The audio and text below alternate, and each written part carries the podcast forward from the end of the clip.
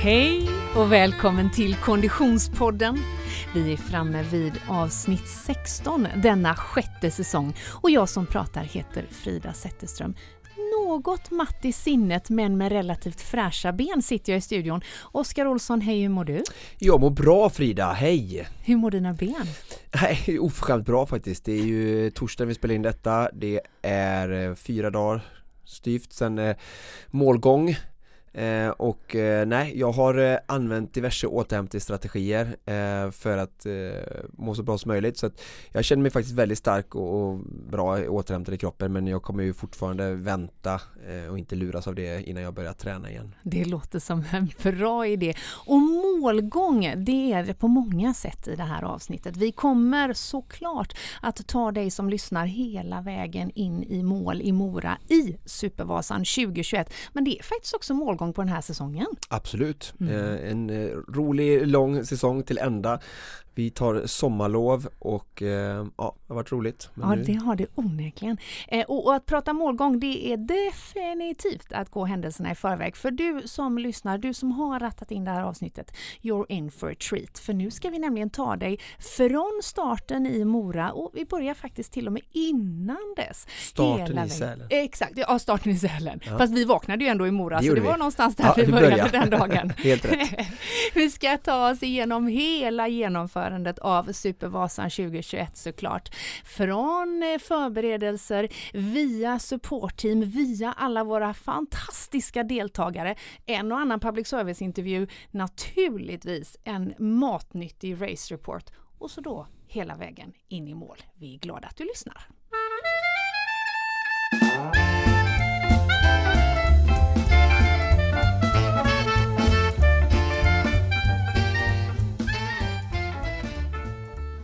Och Oskar, vi är ju så otroligt glada att vi har haft våra poddpartners med oss hela den här säsongen. Verkligen. Utan partners ingen podd. Och jag som har varit eh, ämne eller eh, atlet för Supervasan har ju varit extra eh, tacksam eftersom jag har fått nyttja alla deras eh, produkter eh, i min eh, träning inför och även mitt genomförande. Ja men verkligen, vi kan väl faktiskt ta utgångspunkt i det när vi tittar på våra partners. vi har ju med oss Odlow yes. som du ju stakade, cyklade och sprang i. Precis. Nej, från början till start, hur bra som helst, supernöjd. Jag hade en sån tight ny t-shirt på rullskidorna som satt som ett smäck som jag var jättenöjd med. En sån underställströja men som funkade skitbra under den. Lite varmare liksom än en löp-t-shirt men eh, den är, jag kan rekommendera den till eh, typ eh, att ha under när du en cykeltröja eller sådär liksom för att inte ha en cykeltröja direkt på kroppen eller sådär men den funkade skitbra för det. Mm. eh, och sen eh, Eh, rull, eh, cykeln, det var ju cykelkit eh, från topp till tå. Det funkade felfritt, eh, jättenöjd med eh, bib-shortsen speciellt hur de sitter och sådär. Det är inte alltid sämskinn och passform på cykelbyxor är jättebra tycker jag. Eh, Och sen eh, supernöjd som sagt med den här Chiltex som vi varit inne på förut och som jag sprang faktiskt hela. Jag hade samma t-shirt. Förra året hade jag lite andra eh, en annan tröja men eh, det var lite kallare men nu har jag Chiltecken och den var svart och det mm. var 27 grader sol hela tiden och den funkar verkligen, levde upp till det vi pratade om, alltså att den kylde ner mig. Så att Hade den från start till mål, den funkade hur bra som helst. Ehm, Och sen en sån här lätt keps hade jag också som var väldigt bra för fylla med vatten eh, och kyla ner den och sätta på huvudet då liksom. Så att ehm, ja, väldigt nöjd med de grejerna. Mm, Underbart, tack så mycket Odlow eh, Och med oss eh, genom både den här och tidigare säsonger eh, har vi ju haft Asics, våran eh, trogna poddpartner. Eh, Du sprang i ett par Asics-dojor. Nova Blast. Mm. Eh, och det är ju ett par dojor som du har pratat dig varm för tidigare. Men jag vill också passa på att nämna en annan grej om Asics, för de mm. har ju faktiskt nu lanserat en, en kampanj, eller hur? Ja, igen. Mm. Eh, Uplifting Minds eh, betyder att de vill eh, lyfta upp då uplifting eh, organisationen en engelsk eh, som heter Mind helt mm. enkelt mm. mind.org.uk som eh, i stora drag kan säga håller på med att eh, deras syfte är att eh, gynna vad ska vi säga, eller motverka mental eh, illamående, Ohälsa, ohälsa, ohälsa ja. precis, eh, genom eh, fysisk aktivitet. Mm, och de forskar kring detta. Ja precis, så att eh, de behöver ju raisa pengar, det är en organisation som jobbar för detta då och eh, Asics är en eh, av flera tror jag då ehm, eller tror, men de har väl fler som, som, som bidrar såklart men eh, har gjort en, en stor eh, eh, kampanj här nu då för att samla in pengar och stötta dem. Mm. Eh, så att eh, med, eh, om du publicerar en bild och använder hashtaggen uplifting minds så ehm, donerar de hela två pund per hashtag mm. mellan juni och augusti så att ehm, om ni vill vara med och bidra till detta, vi har varit inom detta alltså i podden förut, just min Eh, ståndpunkt kring vad, vad, vad en aktiv eh, alltså livsstil har, gör för din hälsa både mentalt och fysiskt är nog känt. Mm. Ehm, så att jag blir ju extra glad när jag, alltså all typ av de här sakerna som jag ser sånt här, alltså mm. förebyggande mm, Det är mycket det här ibland tycker jag i, i samhället att vi lägger vårt liv i andras händer Alltså Sjukvården, all ära det de gör men för mig skulle de göra akuta och inte liksom vi ska inte vara beroende, alltså utgångspunkten borde vara att vi ska inte vara beroende av medicin och sjukvård utan vi ska klara oss så mycket själva som möjligt. Och, och där kommer ju liksom vårt sätt att leva och välja att ta hand om vår kropp väldigt mycket och, och då, då är det som att den här typen av forskning och att det börjar bli, komma fram sådana här saker mer tycker jag är ett tecken på att vi går åt rätt håll. Så, mm. ja. ja. men verkligen eh, suveränt av Asics att, att gå in och stötta så aktivt som de verkligen gör i många sammanhang. Och just nu pågår alltså kampanjen med hashtag uplifting minds där eh, två pund doneras för varje eh, publicerad bild med hashtag uplifting minds till den brittiska forskningsorganisationen Mind om eh, hur fysisk aktivitet är bra för din mentala hälsa. Det gillar vi verkligen. Du Oskar, vi hade ju också med oss våran poddpartner Polar under mm. Supervasan och vi hade inte bara med oss dem i form av att eh, du hade dem på armen som du alltid har, utan vi hade ju också klockor med oss som vi lottade ut. Mm. När det var ungefär tre timmar kvar till förväntad målgång så la jag ut ett eh, inlägg på Instagram där jag frågade vad man trodde att du skulle få för totaltid Oh my god, vilket engagemang! Mm. Det kan ju ha att göra med att alla eh, var väldigt engagerade och följde din eh, resa. Vi kan ju hoppas det. Men det kan också ha att göra med att det som stod på spel var en polarklocka. Ja, såklart, förstående. Och det visade ju sig att vi hade inte mindre än fyra eh, personer som gissade exakt rätt. Mm. Och eftersom Polar är en fantastisk sponsor så trollade de då fram fyra klockor. Vad som till början egentligen var överenskommet tre stycken Exakt klockor så. att dela ut. Men nu har vi faktiskt, det var ju faktiskt fantastiskt att det var fyra personer som kunde bara gissa som in rätt. Som direkt ja. ja. Innan, vi, innan vi berättar vilka de fyra är så måste jag bara också skicka ut en liten sån tanke till eh, din polare Rickard eh, på Styrsö. Mm. För han var ju en minut fel då. Ja, jag skulle inte spurta så hårt. Men å andra sidan så gjorde han ju fyra andra personer. Just det. Uh, Rickard, bra gissat där på 16.33. Eh, tillika eh, Mattias eh, Druvholl tror jag också mm. hade 16.33 och ni är många som har legat sådär en 30 sekunder, en minut fel bara.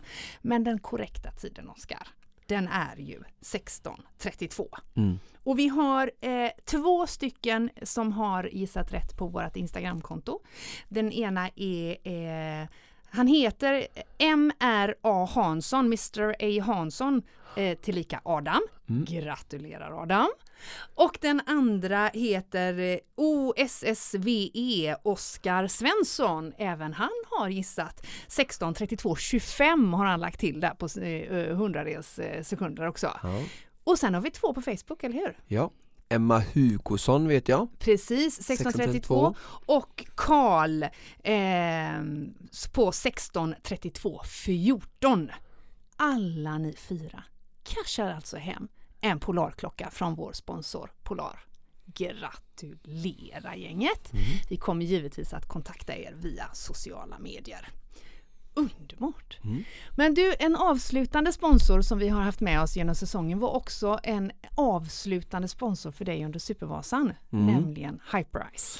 Precis, och även Wahoo. Eh, så att, eh, Nej, grymt bra. Wahoo hade vi ju, eh, stor nytta hade jag på min eh, cykeldator så att jag hade min GPX-fil där, eh, kunde se hur det räknade ner väldigt tydligt. Eh, jag hade inte alls den, alltså när jag var själv i år eh, så var det väldigt skönt att ha med den i, i, i någon som höll i handen eller på att säga. Just det. Och den pep och vibrerade liksom innan jag skulle svänga, det kom sådana här liksom, du vet, skarpa höger och vänster så det var väldigt bra eh, liksom få den guiden. När jag inte hade Emil Lindgren vid min sida. Och sen också liksom lite så här hur långt är det kvar och sådär. Um, och sen fick vi även faktiskt snällt lånat en, en till en av våra andra deltagare i sista sekund där um, till uh, Therese i vårt mixlag så mm. att även hon skulle hitta rätt. Um, och ja, sen men... Hyperice har jag ju använt uh, i återhämtning, så jag har säkert suttit tre, fyra sådana riktiga program. Du, du tog mig där lite dagen efter ja. Ute på Mora hotell när vi satt där ute och käkade frukost Det var ju grymt skönt där ute i solskenet eh, Allting var klart, vi var i mål Ingen hade brutna ben eller alltså alla var friska och hela och, och det hade ju gått över förväntat Jag satt verkligen och mös första session där För det du sitter och myser med är alltså de här byxorna? Ja, från Normatec då som är en, ett eh, uppköpt och, och numera går under Hyperized produkternas familj och och ja, men det, de är liksom ledande i världen på just återhämtning och jag är ju alltså folk som känner mig vet att jag är ganska eh, restriktiv mot eh, för mycket teknik och sånt där att eh, det viktigaste också att, att göra själv, att vi kan inte, mm. just det här med, jag brukar säga fjärrkontrollen är lite ironisk eh, bild av mänsklig lättja, att jag orkar inte ens gå fram och byta kanal när jag liksom sitter ändå i soffan i tre timmar och på mitt feta arsle och bara kollar liksom. Men eh, det är så bra symbolik. Men, men, men det här jag tycker verkligen, jag, jag har kört den sagt flera dagar nu efteråt och eh, de som följer mig på Instagram har sett mig sitta och jobba eh, hemmakontor med den några dagar och eh, Alltså, det är ju precis som pistolen som vi har mm. använt både du och jag som vi gillar um, ha sådana här program då vilket mm. är jävligt smart så man kopplar bara ihop den med bluetooth um, telefonen och sen så kör jag typ så här 45 minuter post run recovery program då um, så bara kör den av sig själv, bara sitta mm. där och, och Alltså jag, det är ju en, en, lite dyrare produkt men, men eh, jag är jättenöjd och känner verkligen liksom hur eh, Alltså jag, jag, tror mycket på det här att kroppens egna återhämtningssystem är det viktigaste. Mm. Alltså den egna cirkulationen, få igång den. Därför är det liksom nedvarvning och aktiv återhämtning som vi kan göra själv väldigt viktigt.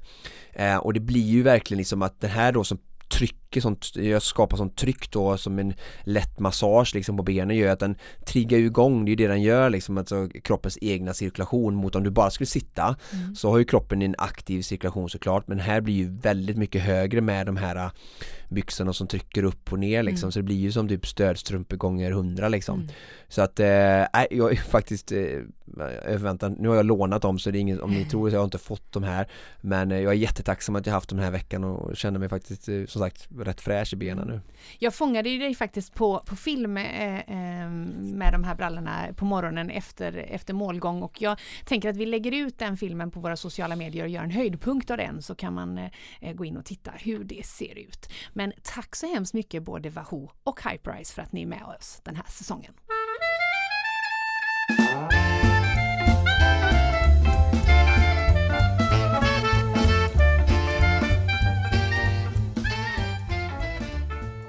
Ja, Oskar, så här med eh, facit i hand så vet nog de flesta av Konditionspoddens lyssnare hur det faktiskt gick. Eh, och vi ska ju i det här avsnittet få eh, din race report och gå igenom tiderna. Men en av de stora skillnaderna från Supervasan 2020 förutom att det inte var minusgrader, vilket vi alla var tacksamma för, är ju såklart att vi hade utmanare. Absolut. Eh, nej men det, det, var ju ännu, ännu mer sätt att eh, ja, men sätta utmaningen i perspektiv till någonting. Mm. Alltså att det inte bara är en ensam människa som springer runt där. Vad, vad, hur värderar vi eller hur liksom, den prestationen på något sätt. Men när vi fick utmanare så kunde liksom själva prestationen och, och distansen i sig eh, få lite mer perspektiv. Eh, och sen också att liksom var Supervasa som varumärke, att, att fler fick smaka på det och då, då säger jag för mig är Supervasen så mycket alltså att just det här med allt ifrån eh, Mora och Dalarna som jag tycker är en sån fantastiskt fin plats eh, Mora hotell där vi har som vårt basecamp numera med Supervasen är en fantastisk, eh, alltså det är grym personal med mm. Lotta och Petter där som tar superhand om produktion och deltagare och god mat och nära till liksom målet där folk kan krypa in och och sen liksom eh, fina arenan, eh, miljön där vi tar oss fram och sen eh, eh att göra det i lagidrott som vi, vi hörde dem vittna om. Eh, så, så att, att, få fler personer att smaka på själva konceptet Supervasan var ju jättekul liksom att, att, att tycker jag att få testa det på det sättet och mm. det blev ju jättepositivt så att äh, jättekul att äh, vi hade deltagare som vill vara med i år. Mm, definitivt och vi ska faktiskt ta oss tillbaka till morgonen direkt efter Supervasan när äh, målgången var avklarad. Vinnaren herr Oskar Olsson, var korad, eh, men även alla deltagarna hade gått i mål, fått sig en god natts sömn och en frukost på just Mora hotell. Så här lät det. Oskar, nu får man ändå säga att det är värt det.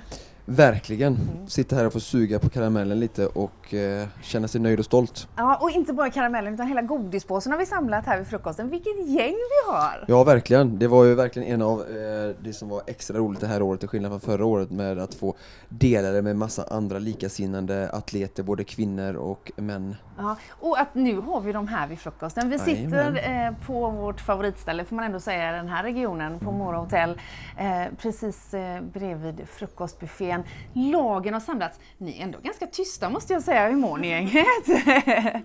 vi mår så bra så vi är så glada. Ja, här har vi ju både eh, mixlaget representerat, delar av herrlaget och tjejlaget. Jag tänker att vi, vi börjar ungefär där vi avslutade igår med målgången på löpningen. Jenny Ramstedt, hur mår du? Eh, över förväntan. Mm faktiskt. Det kanske inte såg ut så igår kväll dock. Du Nej, jag så... stapplade i mål. Jo, jo, jo, du såg otroligt fräsch ut. Och nu har du varit och badat dessutom. Ja, fantastiskt. Ja. Vad är det, 100 meter ner? Ja, fantastiskt. Du, om du skulle, eh, jag förstår att det är lite för nära in på att summera, men eh, du är ju en rutinerad eh, Vasalöpare, Vasaåkare, Vasacyklist. Eh, hur eh, kvalar eh, Supervasan in bland alla dessa gånger du har varit i det här spåret? Ja, eh, slår ju väldigt, väldigt högt att få göra det i lag. Mm. Det var ju en upplevelse. Eh, istället för att ligga där själv och som mycket tycker jag ofta i Vasaloppet så är det mycket själv. Mm. Man åker själv. Eh, och det var det ju igår också. Eh, men att liksom ha laget stå där och heja och vänta och också faktiskt springa med mig väldigt mycket. Det. det. behövdes i värmen. Mm. Eh, så det var fantastiskt och jätteroligt koncept. Mm. För värmen är ju någonting som vi hela tiden återkommer till. När du och jag sågs eh, vid våffeljärnet där borta förut så konstaterade du just att det var faktiskt värmen som var lite the tipping point ja. för dig igår. Ja, verkligen. Hur påverkade det? Jag brukar inte bli påverkad av värme generellt, men igår jag hade med mig alldeles för lite dricka i början och mm. det kostade. Mm. Det kostar mycket. Mm. Så nu har man lärt sig. Nu har man lärt mm. sig. Och det, det, var bra. Det blev ju ändå en, en, en fantastisk eh, löpa och en, en ganska bra tid, eller hur? Ja, tiden i sig är ju inte så vass, eh, tycker jag. Det är min sämsta tid. Men eh, å andra sidan, in, ingen tävling så med massa andra löpare i spåret, utan eh, kul grej. Mm. Eh, och också den värmen. Mm. Det, det slog mm. mm. jättemycket, mm. ska jag säga. Du nämner att laget är, är hela hemligheten. Bredvid dig sitter Anna. Anna, hur mår du just nu? Jo, men jag mår bra. Mm. Du cyklade i sträckan. Mm. Eh, och, och, hade med dig eh, ditt gäng som supportorganisation och kom i mål uppe i Sälen med ändå stort leende. Det, då hade du ju knapat in på mixlaget. Ja, och det var en eh, kul motivator under loppet. Vi har ju faktiskt mixlaget sittades här, här omkring så de ska få säga sitt alldeles strax. Eh, men, men berätta om, om, eh, om sträckan. Eh, jo men eh, jag gick ju ut en stund efter och var till och med sen till starten för någon rullskidade lite fortare än vad vi hade tänkt, trott och tänkt.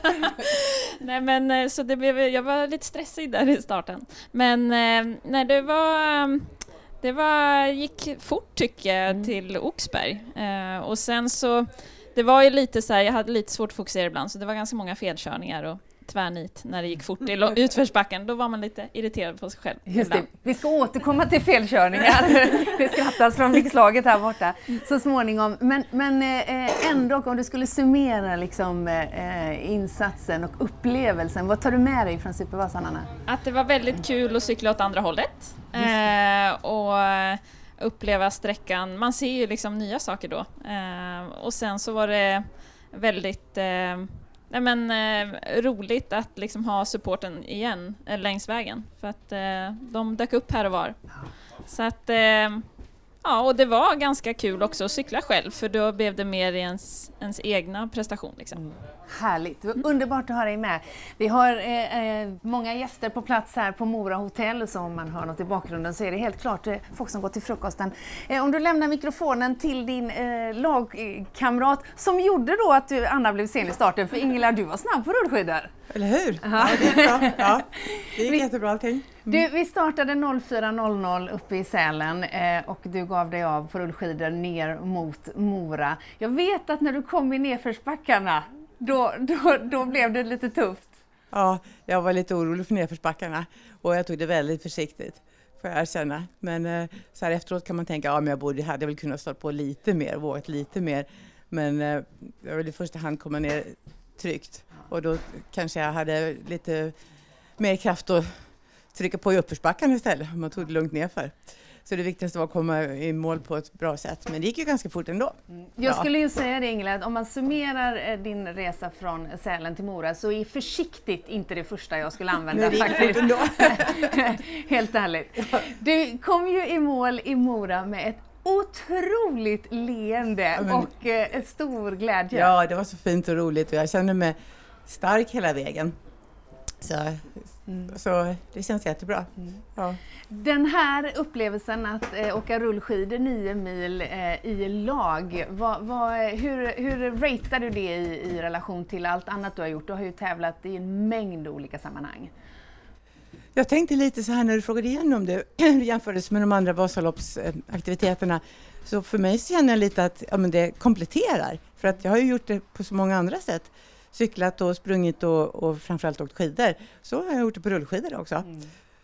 Och, så... och sen så jätteroligt här lag. Jag har åkt Vasastafetten några gånger som alltid har varit fantastiskt kul.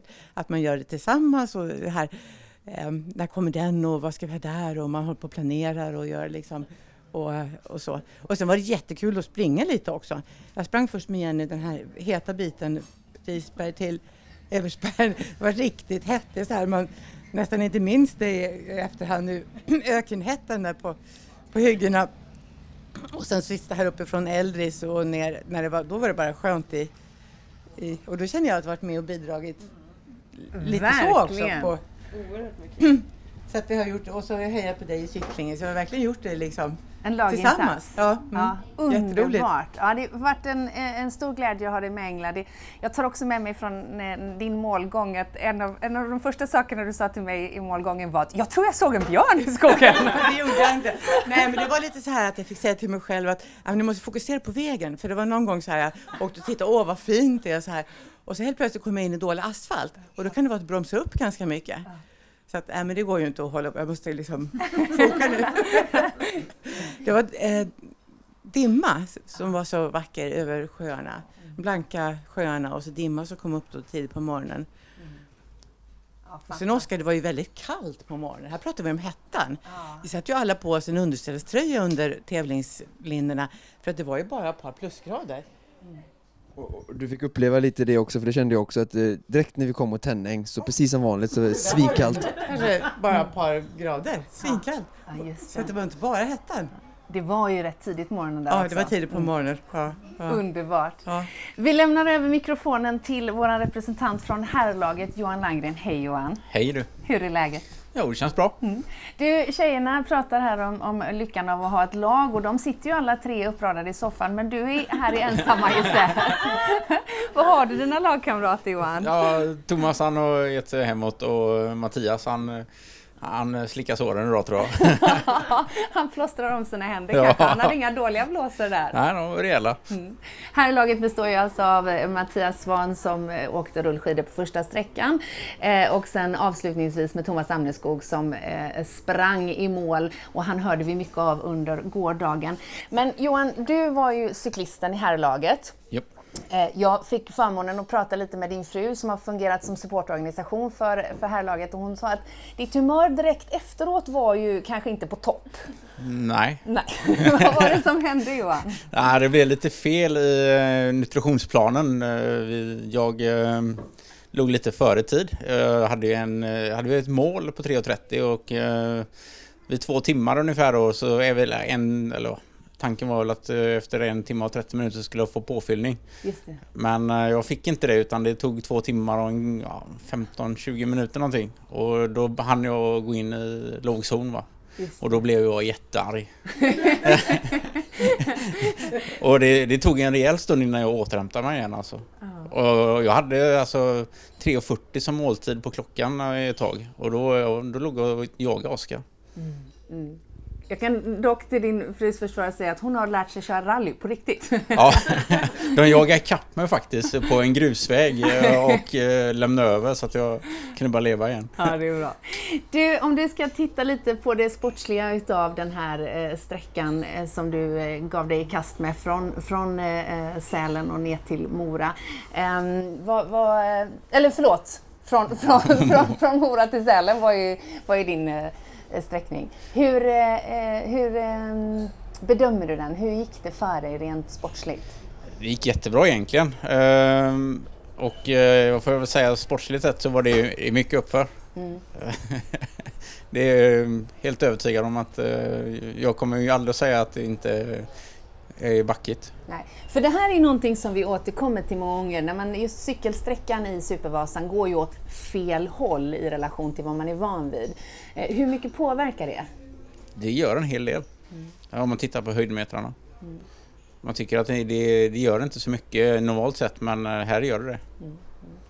Eh, Oskar, om du får mikrofonen av Johan. Jag vet att just på cykelsträckan så var, hade du ju vissa orosmoment att eh, Johan Langgren skulle komma ikapp. Absolut. Mm. Jag bara väntade. Men eh, nej, det var bara, bara ner huvudet och försöka hålla ifrån så länge det gick. Eh, jag tänkte att det är inte bra att gå ut samtidigt som Thomas som står där i målet i Sälen och växlar ut helt fräsch. Mm. Eh, så att nej, jag pinade på så gott jag kunde. Mm. Underbart. Vi lämnar mikrofonen hela vägen bort till mixlaget. För cyklade för mixlaget gjorde Therese Österås. Hej Therese! Hej! Hur hej. mår du nu? Jo, jag mår ju väldigt bra jämfört med vad jag brukar må efter lopp egentligen. Det, det var ju kul att få kunna gå efter ett lopp någon gång. du cyklade ju mixlagets eh, sträcka och eh, eh, hade på vissa ställen lite problem att hitta, men jag har hört ryktas att du dessutom vurpade. Ja, jag låg i diket några gånger faktiskt. Några gånger? ja, det gjorde jag. Ja, men jag hamnade ju ute på Spångarna och eh, jag då som inte är så jättebra cyklist eh, har ju både svårt att klicka ur eh, snabbt och i och allt vad den Så jag låg ju där på Spångarna, balansera och så tippar man ju över. Och då kände man liksom, ja här ligger jag, alla andra är ute och cyklar liksom och tävlar. Jag ligger här i diket. Ja. ja. Men jag skadade mig inte, det var ju väldigt mjukt att landa där. Du är underbar! Och Therese, för den konditionspodden-lyssnare som tänker, men det här var ju kanske inte en söndagspromenad du är ute och cyklar på direkt. Nej. Det, det, det ju, du har ju ändå verkligen presterat. vad, vad säger du om, om, eh, om sträckan och, och, aktiviteten som sådan? Ja, alltså jag håller ju med om att det är mycket uppför. Det, det kan ju ingen säga något annat om att cykla. Det kändes ju som att cykla baklänges, verkligen eh, mm. så. Det gjorde det, men eh, jag tycker ju liksom, jag är ju van vid att springa långt och jämfört med det så är det ju för mig eh, kändes det ändå ganska lyxigt att kunna vila som man kan på cykel då, jämfört med löpning. Mm. Eh, men 90 kilometer är ju, det är ju såklart långt och tufft men Vätternrundan var väl ändå värre, kan jag väl tycka på ett sätt. Det här är ju ändå roligt.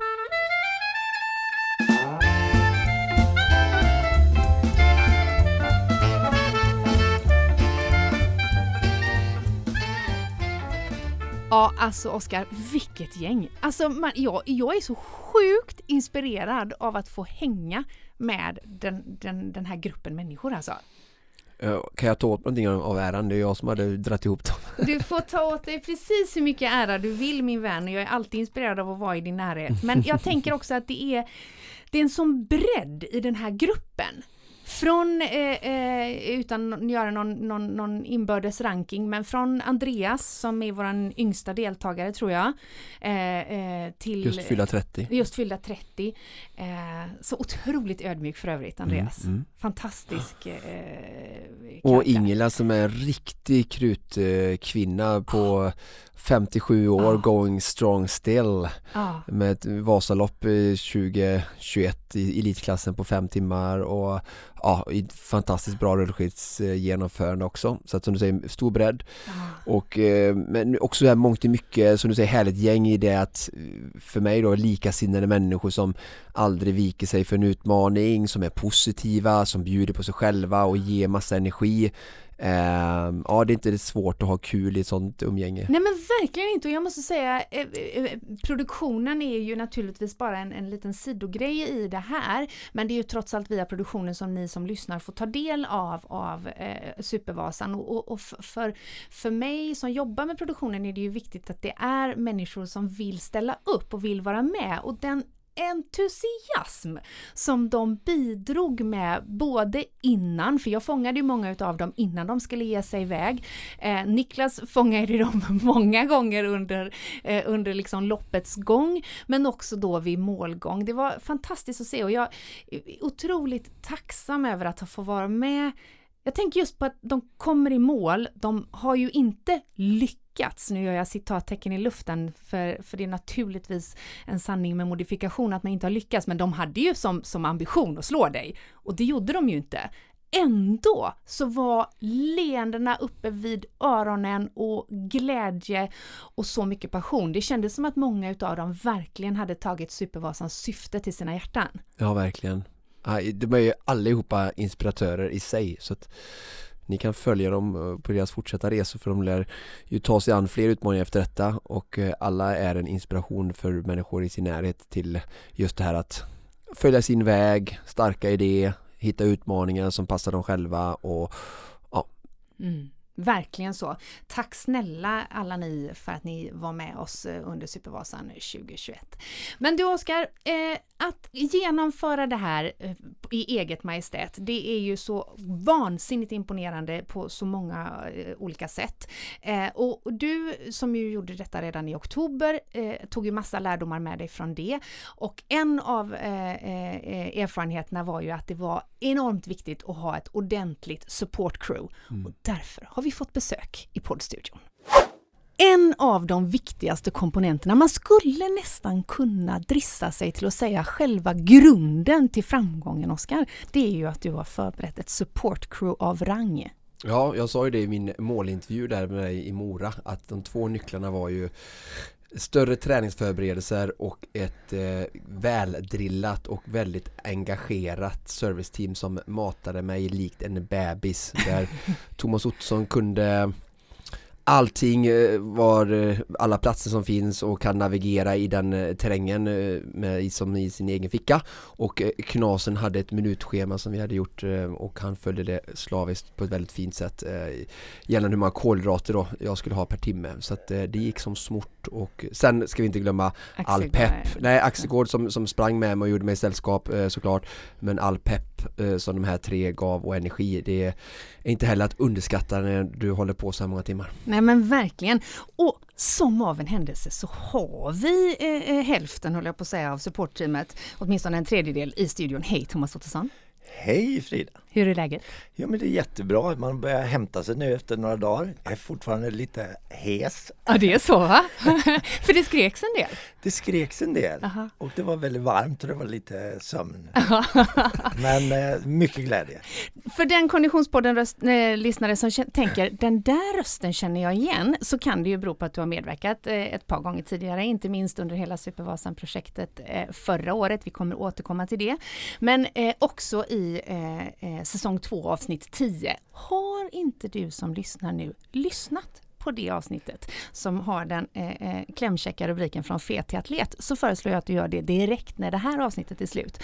Thomas, när du och jag träffades då första gången, då gick vi ju igenom din träningshistoria. Just det. Ja, jag kan säga att jag skämdes å poddens vägnar för rubriksättningen. Den tog jag mina händer ifrån. Men du skrev under på den. Ja, men, men det, det, det, ibland är det bra att höra sanningen. just det.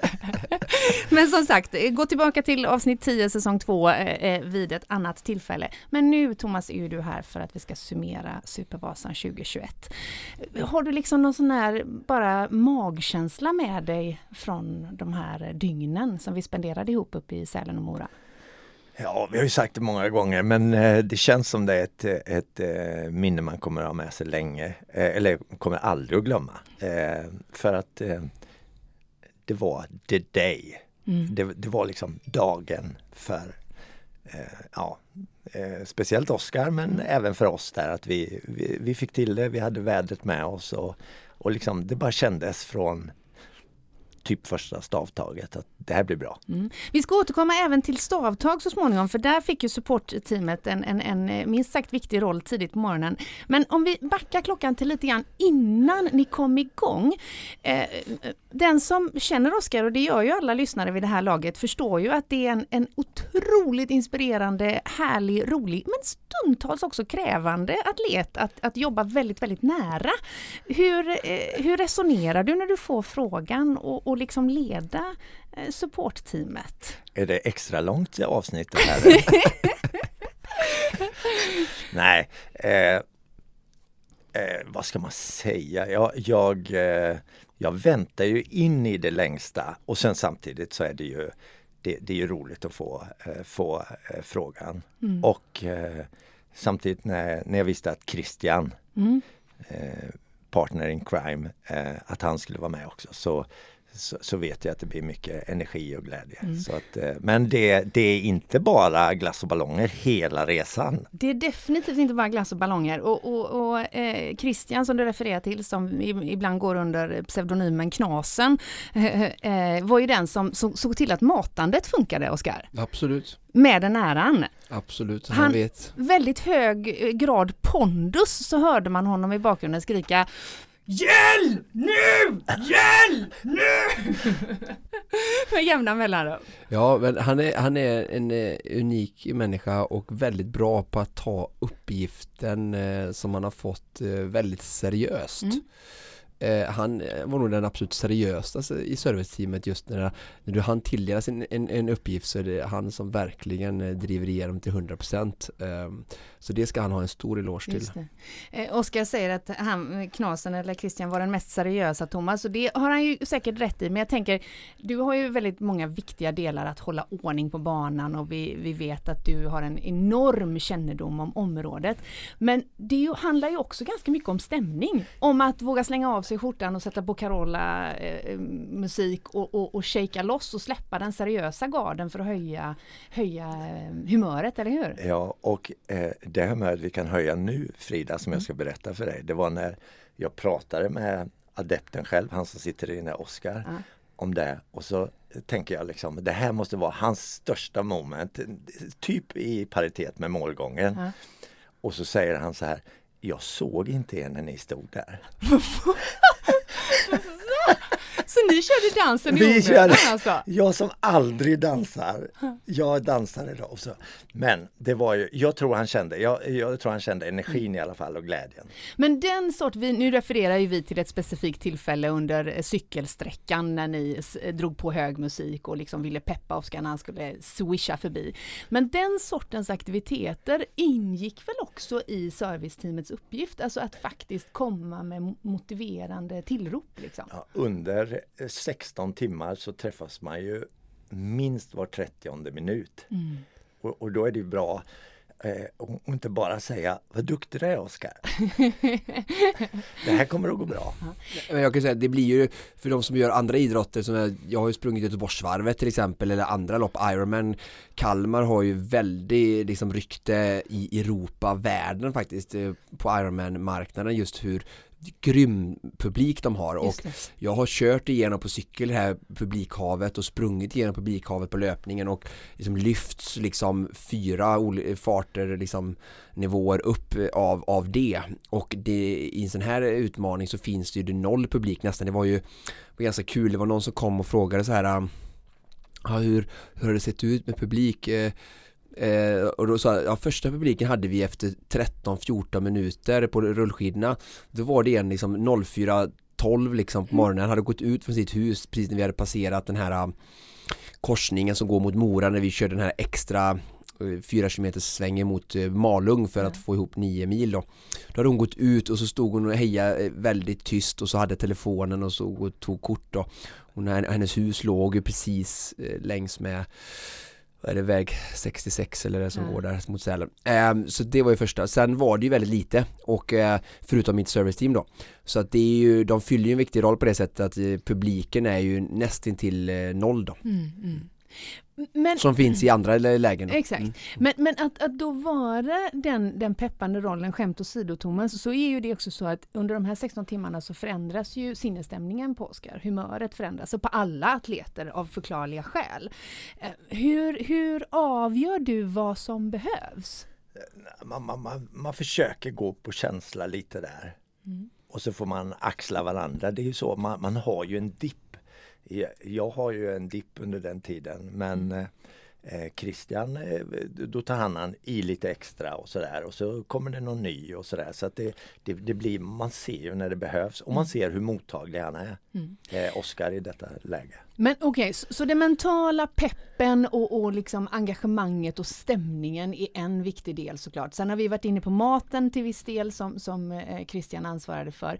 Eh, vad skulle du säga mer att man har för viktiga roller i, i, i service och support crew? det, det, och, och vara på rätt ställe, försöka hitta någon överraskningsställe kanske som man inte är beredd på.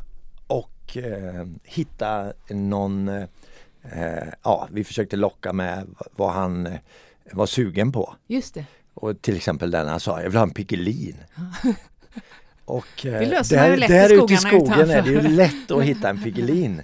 Men det roligaste var ju att vi, att vi fixade en Piggelin. Just det. Det, den, ja, det var ett moment, eller vad säger du Oskar? Ja, ja det, är, det är ju verkligen ett av de absolut starkaste momenten på hela eh, Vi har inte kommit in på stavremmen än men, eh, men, men Piggelinen är verkligen topp tre där typ eh, Var fick du den? I Evertsberg på löpningen då Just. Eh, Det var ju, för de som inte har, vet eller har följt dagen så var det ju väldigt varmt Mm. Mm. Det har ju även de andra deltävlarna i de andra lagen vittnat om så att eh, just att få en, ja du är full med, du är törstig, det är varmt Då är ju en isglass precis som en vanlig varm sommardag väldigt tilltalande Ehm, Underbart bra löst måste jag säga. Men om vi, om vi eh, eh, tar oss igenom eh, dagen, vi gör ju det många gånger Jag måste bara igenom, säga det att jag äter aldrig isglass.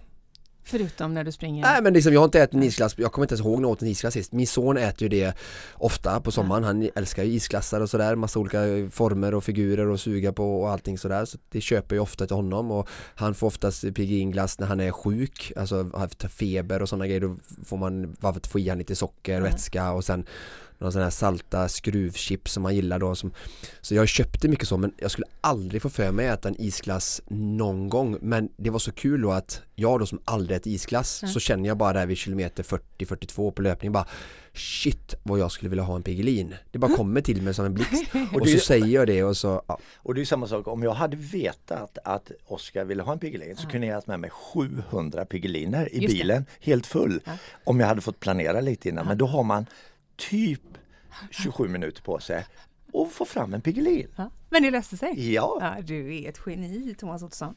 Du, om vi, om vi ska eh, eh, ännu en gång, vilket vi gör flera gånger under det här avsnittet såklart, ta oss igenom eh, dagen fast med eh, ditt perspektiv. Eh, vi börjar i starten. Nej jag tycker vi börjar 02.10 Vi börjar 02.10. no, eller egentligen ska vi inte börja 02.10, vi ska börja liksom eh, 20 23.55 Just det. när jag smyger in på rummet. För jag, jag, jag liksom har fått då typ en halvtimme. Jag har eh, varit ute. Det är så enormt varmt så jag tar en promenad på Mora och går ner och sätter mig vid vattnet. Och så ska jag smyga in. och det första hör när jag kommer in 23.55 och då ska jag Oskar ha sovit i några timmar. Du väckte mig precis. Det, jag har sovit, sovit typ 10 minuter, precis somnat. Du, du, jag har precis somnat så vad bra att du väcker mig. Liksom, var tar man den diskussionen? Inte nu i alla fall. det här är alltså kvällen innan? Kvällen innan och, och, så vet man att klockan står på 02.10. Just det. Och så ligger vi och rullar. Jag, jag, jag kommer ihåg, vi, när klockan var ett, då jag, jag tänkte ingen sover här inne. Det är bara en timme och tio minuter kvar till, vi ska, till klockan ringer.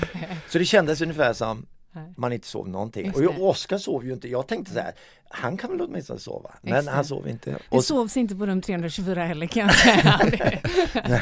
och sen, eh, men i alla fall, men det, det märkliga är när klockan ringer 02.10, ja. bam, då är alla på. Just det. För då är ju din roll att få med dig teamet, att alla får sina frukostpåsar som Mora Hotel eh, föredömligt hade för, eh, förpackat och ställt ner i repan.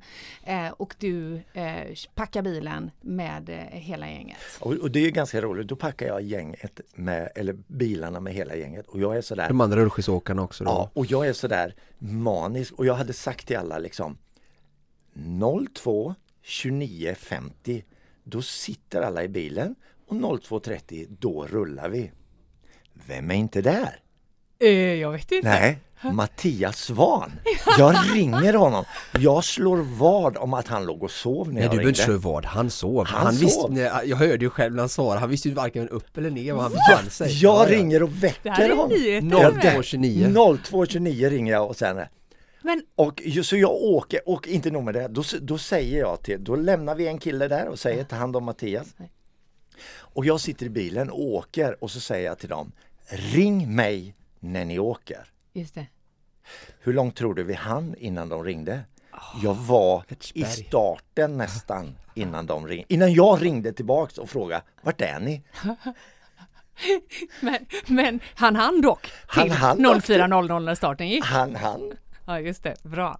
Okej, ni kommer upp till, till starten. Du har Ingela Gane med dig, du har eh, Andreas Stenberg med dig och Oskar Olsson och eh, till slut kommer även Mattias Svan då till, Med några till minuter kvar så kommer även Mattias Svan. Ni riggar upp där uppe. Eh, klockan närmar sig fyra. Vi har eh, Mats, våran fantastiska sångare på plats. Eh, eh, Niklas eh, Axeder riggar med kameror.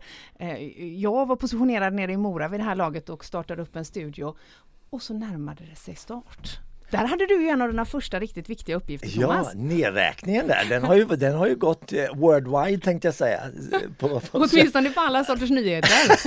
ja, TV4-sporten. Ja, ja, men eh, så det var roligt. Det var, det var där rösten sprack första gången. Nej, men eh, det, det kändes bra. Men där, skillnaden om man jämför med året, det, året innan, när man stod och frös, det var kallt som as.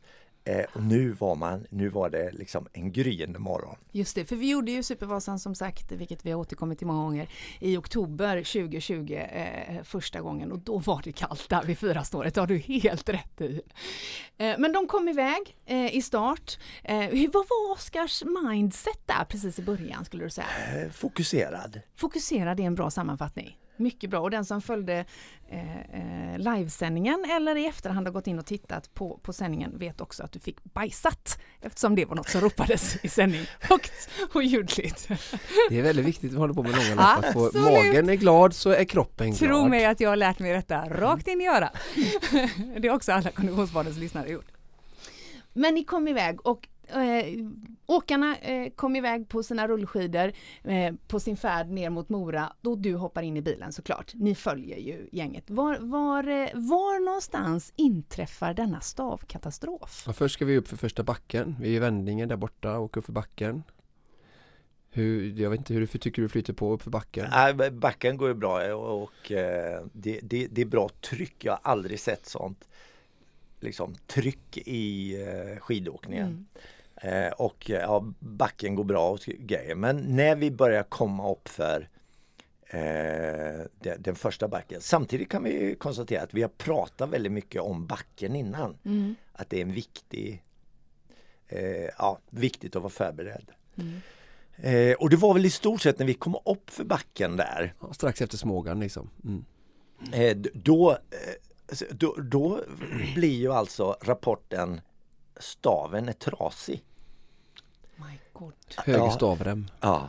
Och det, det var ju då, det, den första tanken man har då som eh, serviceman det är ju, eh, vad bra, vi har, var, vi har inga Piggelin med oss och vi har inga extra stavar. Ah, Och så kan jag säga så här, extra stavar hade vi i oktober. Ja. det hade vi. Då behövde vi inte det. Nej. Nej, nu hade vi behövt. Och ni som tänker så här, ni är dumma i huvudet så här, så kan jag säga så här, en stav kostar 4000 eller ett stavpar. Just det. Så det är inte bara att ha inte bara reserv bara. på allting. Man men får om någon vill skänka till mig så kan man gärna göra det. Men, det. så det finns förklaringar till allt. Ja. Men jag, eh, jag ska inte säga att jag var helt bakom men jag, jag tänkte ju så här, men jag har mina stavar. Mm. Men då är det så att vi har olika storlek på händer. Så att vi, eh, jag, jag kunde använda min stav Mm. men det var fel handtag. Och det var själva remmen som Det, det, var behövdes. själva remmen. Just det. Och vi provade faktiskt eh, att använda hans stavrem. Ja. Eh, men jag kände direkt, för de som, inte, som är nya, de som vet, de vet, de som inte vet så kan jag försöka förklara jättekort att all kraft i skidåkning sitter i remmen. Det är inte så att man håller hårt om korkhandtaget och det Då får där du kramp. Exakt, då får du kramp. Utan allting handlar om att handen är jättetajt kopplad till nära remmen. Speciellt när man åker med sån kraft som jag gör. Ehm, och när jag stoppar in handen då så blir det sånt glapp liksom för jag har, jag har så stor rem och fast jag tar det liksom hårdaste så är det fortfarande så som att ha ett skärp som är för någon som är dubbelt så stor som mig. Så liksom när jag drar så får jag inget liksom, kraft i staven med höger armen heller då för det är sånt stort glapp så det är som att ha en noll rem liksom. så att vi försökte det först. Mm. Och så, så åker han och så frågar jag, nu är det väl bra? Och då säger han, det är ännu värre nu. Härligt. Det är Bra härligt. start tänkte du. Ja, jätte, nu börjar vi bra. Men då är det, det är ju då man får vara lite kreativ. Ja. Och som tur var, nu kommer jag också, eh, I- ja, jag Mattias ja. Svahn får ju förlåtelse nu. Just det, det kan man minst sagt Ja, säga. han får, Ja. för att han Tur att han hann till start. Ja, att Ja. han hann till start och Mats, eh, vår sångare, kör ju hans bil. Just det. Och jag, innan du ska fortsätta här nu, så du vet att jag ropar någonting till dig innan du börjar rop, eh, leta i bilen. Nej, det har jag faktiskt glömt. Jag var Okej. så fokuserad För precis när ni står vid bilen, jag vet att det är då som ni hittar, eh, du letar. Men när jag åker förbi er där, det är en liten uppförsbacke, så ropar jag så här "Ah, Kristina kanske har rem hemma. Det är det enda jag hinner få ut mig. Mm. Så vill jag att Thomas ska koppla det att ah, Kristina har, alltså de har ju, Vasasvan har ju Mattias Svans fru, 100 alltså. miljarder sådana här grejer hemma. Och då tänker jag, kanske att det går att fjäska att hon skulle kunna sätta sig i en bil och köra mot oss det. från Mora och ta med sin rem då. Att det, det, det är den som den enklaste öv- eller lösningen jag kan hitta. Och då är klockan kvart Nå, över fyra, jag så då är alla vakna och går runt och, och, och, och vet vart alla handtag ligger. Just det, just det. Exakt. Fyller dessutom år den dagen. Men okej, okej, vi löser en stav genom att vi får helt enkelt låna från Mattias Svahn. Ja, det, då, han som är där och sjunger, Mats, Mm. han kör Mattias Svahns bil så jag får en liten sån där sista halmstråtanke. Jag, jag ringer Mats stanna så jag får syna bilen. Jag tänker ju att jag är beredd att kunna förlåta Mattias Svahn. Om han har ett sånt handtag ligger slängt i bilen så gör det inget att han håller på att missa starten, tänker jag. Och sagt och gjort, jag går igenom hans bil. Vad ligger där? Ett sånt handtag. Ett sånt handtag. En rem, en Ja, hö, höger rem. medium rem. Ja, höger medium där. Och bara den känslan åka ifatt Oskar och sen, nu byter vi staven här. Vill du ha en bilin också? Ja. Ja, så att... Eh, eh, Och hur det går till kan jag också bara säga att vi, jag väljer ju direkt i mitt huvud och säger så här, vi tar det i mångspodarna för jag vet att det går ganska sluttande ner för att tappa så lite tid som möjligt. Så där kan jag under liksom farten rulla jämte bilen medan jag sticker in staven, de byter remmen fort, sticker tillbaka staven ut till mig. Och vi tappar, jag tappade ju såklart innan på att jag stakade med en arm men själva bytet tappade jag ju nästan ingenting på. och, och det finns faktiskt, det som är det roliga är att han eh, sångaren Mats, han får detta på film. Och den känslan när vi har gjort detta, Den är bra. Där lägger vi an tonen. Ja, det är bra. Du för- tänker för du det här hela. kommer gå i mål? Ja, nu, Det här, nu klarar vi allt. Nu kan det komma Piggeliner, eh, ja, Mattias kan försvinna och allting, men vi kommer att klara detta. Du, du säger Mattias kan försvinna, men, men det gjorde han ju inte. Men ni såg inte direkt röken av varken honom, Ingela eller Andreas. Nej, och, eh, och vi, vi peppar ju eh, vår adept, alltså Oskar, med det också. Okej, så ni, ni höll hela tiden koll då bakåt på hur långt det var till, eh, till de som han tävlar mot? Ja, och, och det roliga är att Mattias eh, påpekade efter racet att varje gång han, han, så fort han såg oss så försvann vi med gasen i botten. Så. För vi var ju tvungna att mäta exakt hur, hur långt det var. Just det. Okej, och det, den här informationen kontinuerligt levererar ni till Oskar då alltså? Ja, med eh, lite lagom eh, eh, procentuell höjning. Ja. Vi kommer ju senare i avsnittet att få en race report från dig Oskar och, och naturligtvis, men jag måste ändå bara medan jag har den färskt i sinnet fråga dig, vad, vad betyder det att få den informationen där och då? Att det är Eh, minutrar? Jättemycket. Ja. Jag, tycker det, jag tycker det är en rolig fråga här att fråga innan vi tar oss till eh, växlingen här. Thomas, vad, vad hade du för tankar innan och hur blev resultatet, vad du trodde? Nej, men det, det, det var väl ungefär. Jag, jag, jag kanske tänkte att det skulle vara lite tajtare och det var ju egentligen mycket tajt. För det, fram till Evertsberg så var det ju bara fyra minuter. Mm.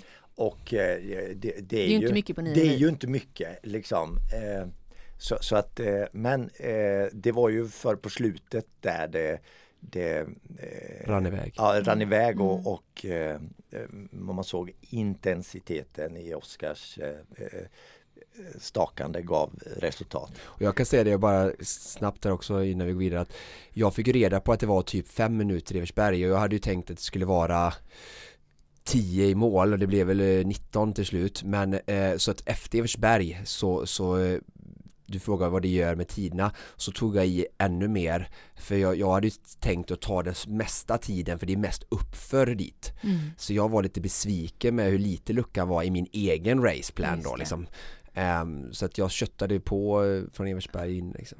Och det gav ju resultat. Ja. Eh, vi tar oss fram till Mora. Eh, klockan har nu blivit, eh, ja vad är Kvart i klockan nu? åtta. Kvart i åtta. Eh, och eh, ni, ni kommer ner till mig. Ner till mig och till studion, till Mora.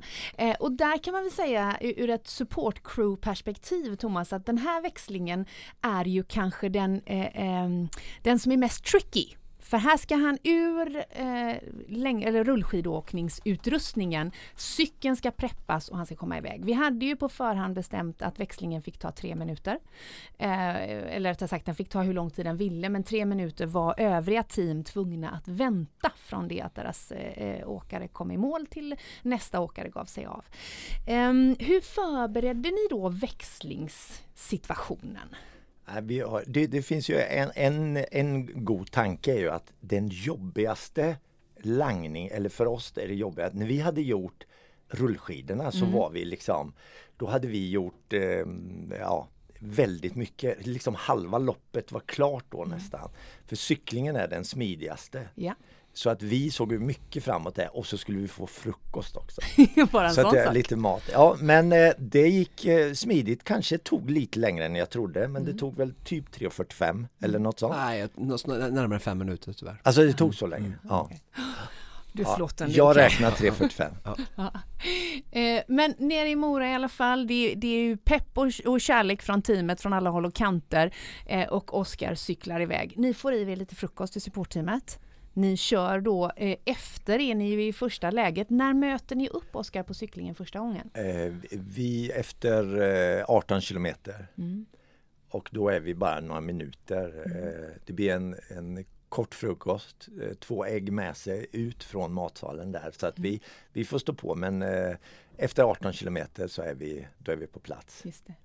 Du och eh, eh dina eh, kompisar i bilen var ju dedikerade som Oscars supportteam, men i, i egenskap av att vara väldigt initierad med Supervasan generellt och den här miljön, så har ju du också eh, hjälpt oss i organisationen att instruera övriga åkare på liksom den här sträckningen. För det är ju ändå så Oskar att det här är en, även om Thomas uttryckte att cyklingen var den smidigaste, så var det också den vi fick jobba lite med hur åkarna skulle hitta bästa, eller hur? Ja. Och där hade ju ni också en viktig roll och, och hjälpte de andra teamen. Det var ju varje gång ett, ett av supportteamen, om de ringde till mig eller till eh, producent Niklas och frågade någonting så sa vi ring Ottosson! För du har ju en detaljkunskap av rang på Nej. sträckningen. Ja, det, det, det var ju lite så. Jag försökte vara lite, eh, för telefonen ringde ju ganska mycket där. Men Mm. jag tycker de hittade bra till slut. Mm. Och eh, samtidigt var det ju, det, vi hade ju fokus på att eh, serva Oskar och försöka överraska eh, och stå på många ställen och sådär. Så att eh, det kändes ju som cyklingen gick väldigt fort. Det var där jag såg den största skillnaden mot året innan. Ja just det, om vi uppehåller oss lite grann vid den tanken då. För, för, v- på vilket sätt? Alltså du såg det i tid förstår jag. Såg du det även i Oskars humör eller eh, hur noterade? Humöret och sen på, på, på liksom hållningen. Ah. Eh, Jag tyckte han var eh, trött förra året. Det var ju motvind och kallt och, Ja. och eh, det, det, det, det var betydligt eh, Det var mycket mer glädje och eh, eh, ja, mer power, tryck i grejerna. Mm, mm. Och jag kollade inte, jag hade ingen koll på tid och ingenting, jag bara gick på känslan där. Du hade ingen koll på tid, det tror inte jag på Thomas. Det, eller jag mätte inte, jag, jag sa att han ledde stort, Just det. gick jag över till då. Vad hade ni stämt för, för, eh, för träffar eller supporthållpunkter eh, eh, hållpunkter under cyklingen Oskar? Nej, men typ då Hökberg som var första efter 19 där Mm. och sen typ eh, Oxberg, Evertsberg, Risberg, Mångsbodarna Mm. och sen blev det typ tre fyra bonus där. Vi sa, han sa inte Gopshus men det stod de Just det. och det var ju jätteuppskattat som, som han säger när man överraskar så för att för jag vet för dem så känns det som att ah, herregud vi kan inte stå tätare nu eller vi hinner inte eller vad, vad. men för mig så är ju varje kilometer nästan under hela dagen ganska lång eh, tid av total ensamhet Mm. där du bara är i dig själv så, så varje gång du ser en, en, en levande själ som hejar på dig eller någonting eller finns där så får du det här lilla bara jag är inte ensam i det här alltså det, Mm. det är en em, en underskattad eh, ja, kraft och energikick så. Så att eh, jag, jag tycker de, de, de, kommer de kommer oftare, mycket oftare än vi hade Och tänkt. Vasslan, Vasslan är ju Ja. där under. Mm. Ja. Mm. Vi rullar tillbaka in i Sälen igen och det är skiftet, det är kanske mest eh, det, det lite lugnare skiftet men det som då där man verkligen behöver kraft inför nio mils löpning. Eh, vad är känslan när vi är uppe i Sälen för skiftet till löpningen? Det är samma där. Betydligt högre energinivå. Mm. Sen står ju Malungs tidning där också. Så det Bara en sån sak. Bara en sån sak. Världspressen på plats. Just det, just det. Eh, och, och där gör ju vi ju en hel del intervjuer. Det finns mycket bildmaterial om, om du som lyssnar på Konditionspodden inte har följt det här under livesändningarna så gå in på Konditionspodden eh, på Facebook och kolla på alla klippen. Eh, där är ju också naturligtvis de andra teamen inför sina växlingar även om alla var förberedda på att de, de cyklisterna eh, eh, låg en bit efter. Eh, det var ju eh, Therese och Anna och eh, eh, Johan som vi väntade in då i de tre lagen.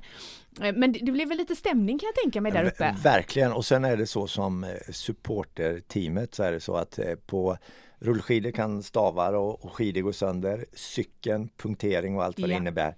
Nu är det ingenting. Det är, det det är mest stopp och eh, var 50 kilometer så det blir några gånger Mm. man träffar honom. Men det, det är liksom inget kan gå fel På löpningen är vi nu. på, på löpningen. Det är liksom skosnöret kan gå upp eller Ja. men det, nu, är det, nu är man i mål liksom. Och så stark han såg ut så hade vi grym stämning. Det är ju inte så många som ska ge sig i kast med 9 mil löpning som tänker nu är jag i mål när man startar 9 mil löpning. Men, men eh, Supervasan är annorlunda på många sätt. Det var också under den här sträckningen Thomas som ni fick mest användning för era brassestolar, eller hur?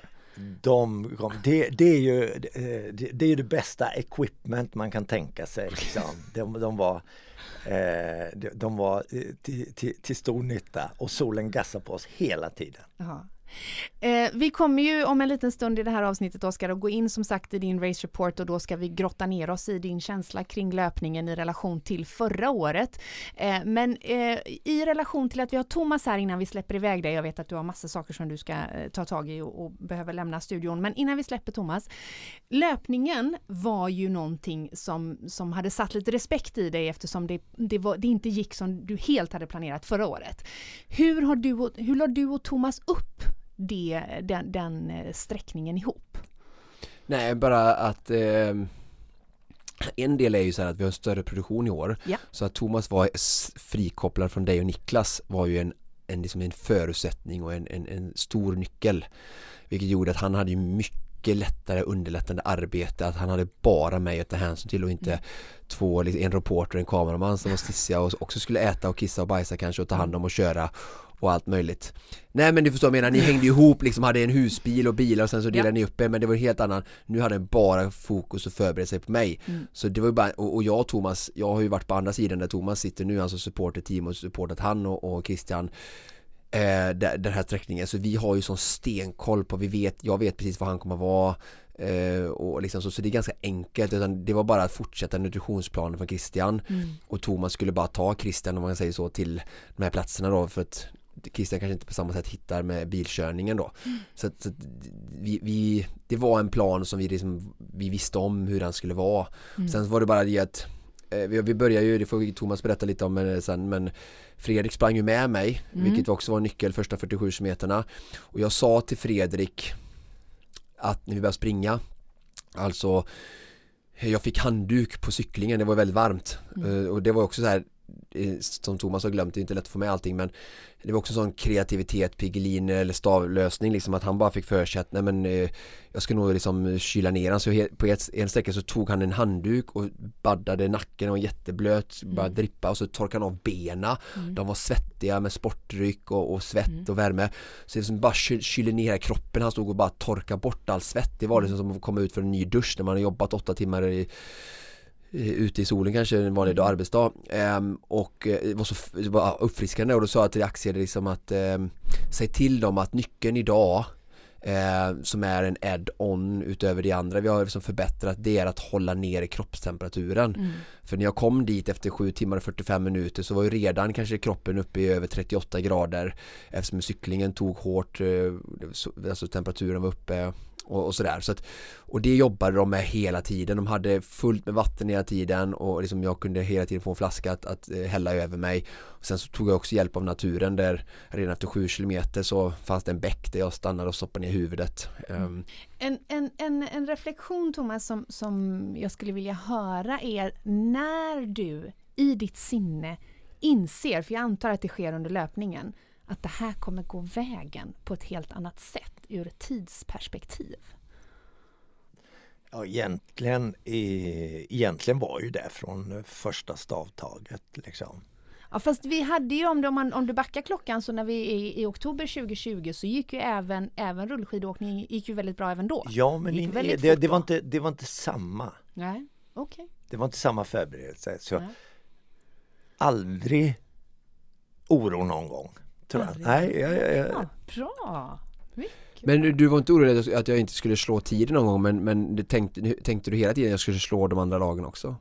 Alltså pratade du med Svar, eller vad, vad sa Nej, jag, jag, jag såg ju de andra, jag träffade Johan jag, hade ju jag, cyklat, skulle ju cykla ikapp mig pratade ju med Ja men ju. eh, jag, jag såg ju det men, eh, men eh, nej. Det var ingen hotbild Nej det direkt. var, det var ingen Nej. hotbild. Nej. Nej, det Och, och jag tror att vi kunde förmedla det. Ja. Mm. Kunde de det? Ja alltså jag började bli hoppfull, alltså som Thomas sa, Johan hade sagt att han skulle försöka cykla på 3.30 då.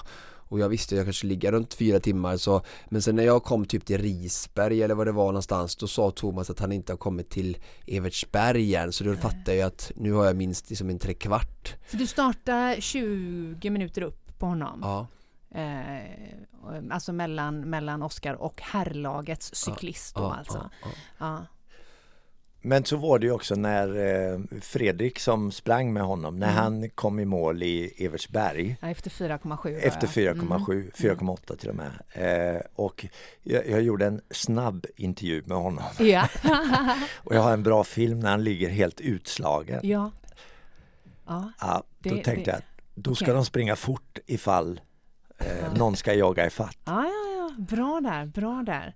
Ja, har du några andra hållpunkter innan vi kommer i mål? Har du någonting mer i på löpningen som du tycker är, är anmärkningsvärt? Nej men det är humöret är uppe Mm. och jag tror faktiskt att det är väder där också. Det är, det är inte roligt att vara liksom ruggig här var det bara liksom det, det, det är mer angenämt, eller eh, trött är man ju säkert, mm. eller det vet vi ju, men det, det, det, är bättre, eh, det är bättre att vara det i värmen. Just det. Än, än i, i, i regn och rusk. Ja. Man, man får någon energi av det tror jag. Ni i supportteamet körde ju då, eh, eh, följde Oskar givetvis hela vägen, men när det är ett par kilometer kvar så släpper ni för att köra i mål, parkera, för att sen kunna springa med honom sista biten. Just det. Det var ju en, en, en det var ju en syn för gudarna när ni kom indefilerande alltså. Just det, och jag, och jag tänkte, jag kollade innan, jag hade, eh, det var ganska roligt, jag hade tagit 27 000 steg. På, under de det är bra med tanke på att du också hade kört 27 mil. så att, eh, så jag hade tagit. men, eh, och, men det, eh, och jag, det, jag har fått kommentarer på det såg ut som du tog i när du sprang och jag mm. gjorde det. Jag vill hävda att vi hade typ 4.45 tempo eh, från kyrkan och in. Ja, ja, ja. Kan, kan, du Bekräfta? Ja, ja men, vi, ja, men sista 500 när, när, de, när någon i teamet äggade mig då hade vi ju under fyra fart men det var ju sista 400 metrarna. Men, men jag hade kanske fem, ja, fem fart när ni mötte upp mig och började springa eh, och det tycker Thomas en vanlig dag är liksom det snyter man inte ut sen va? Det jag alla dagar är tämligen imponerande faktiskt måste jag säga. Ja du Thomas Ottosson, det är en underdrift att säga att vi i Konditionspodden är, glada att ha dig eh, generellt men inte minst när det kommer till Supervasan. Eh, tack så hemskt mycket för din delaktighet eh, i detta och för att du gav oss all inside. Tack så jättemycket.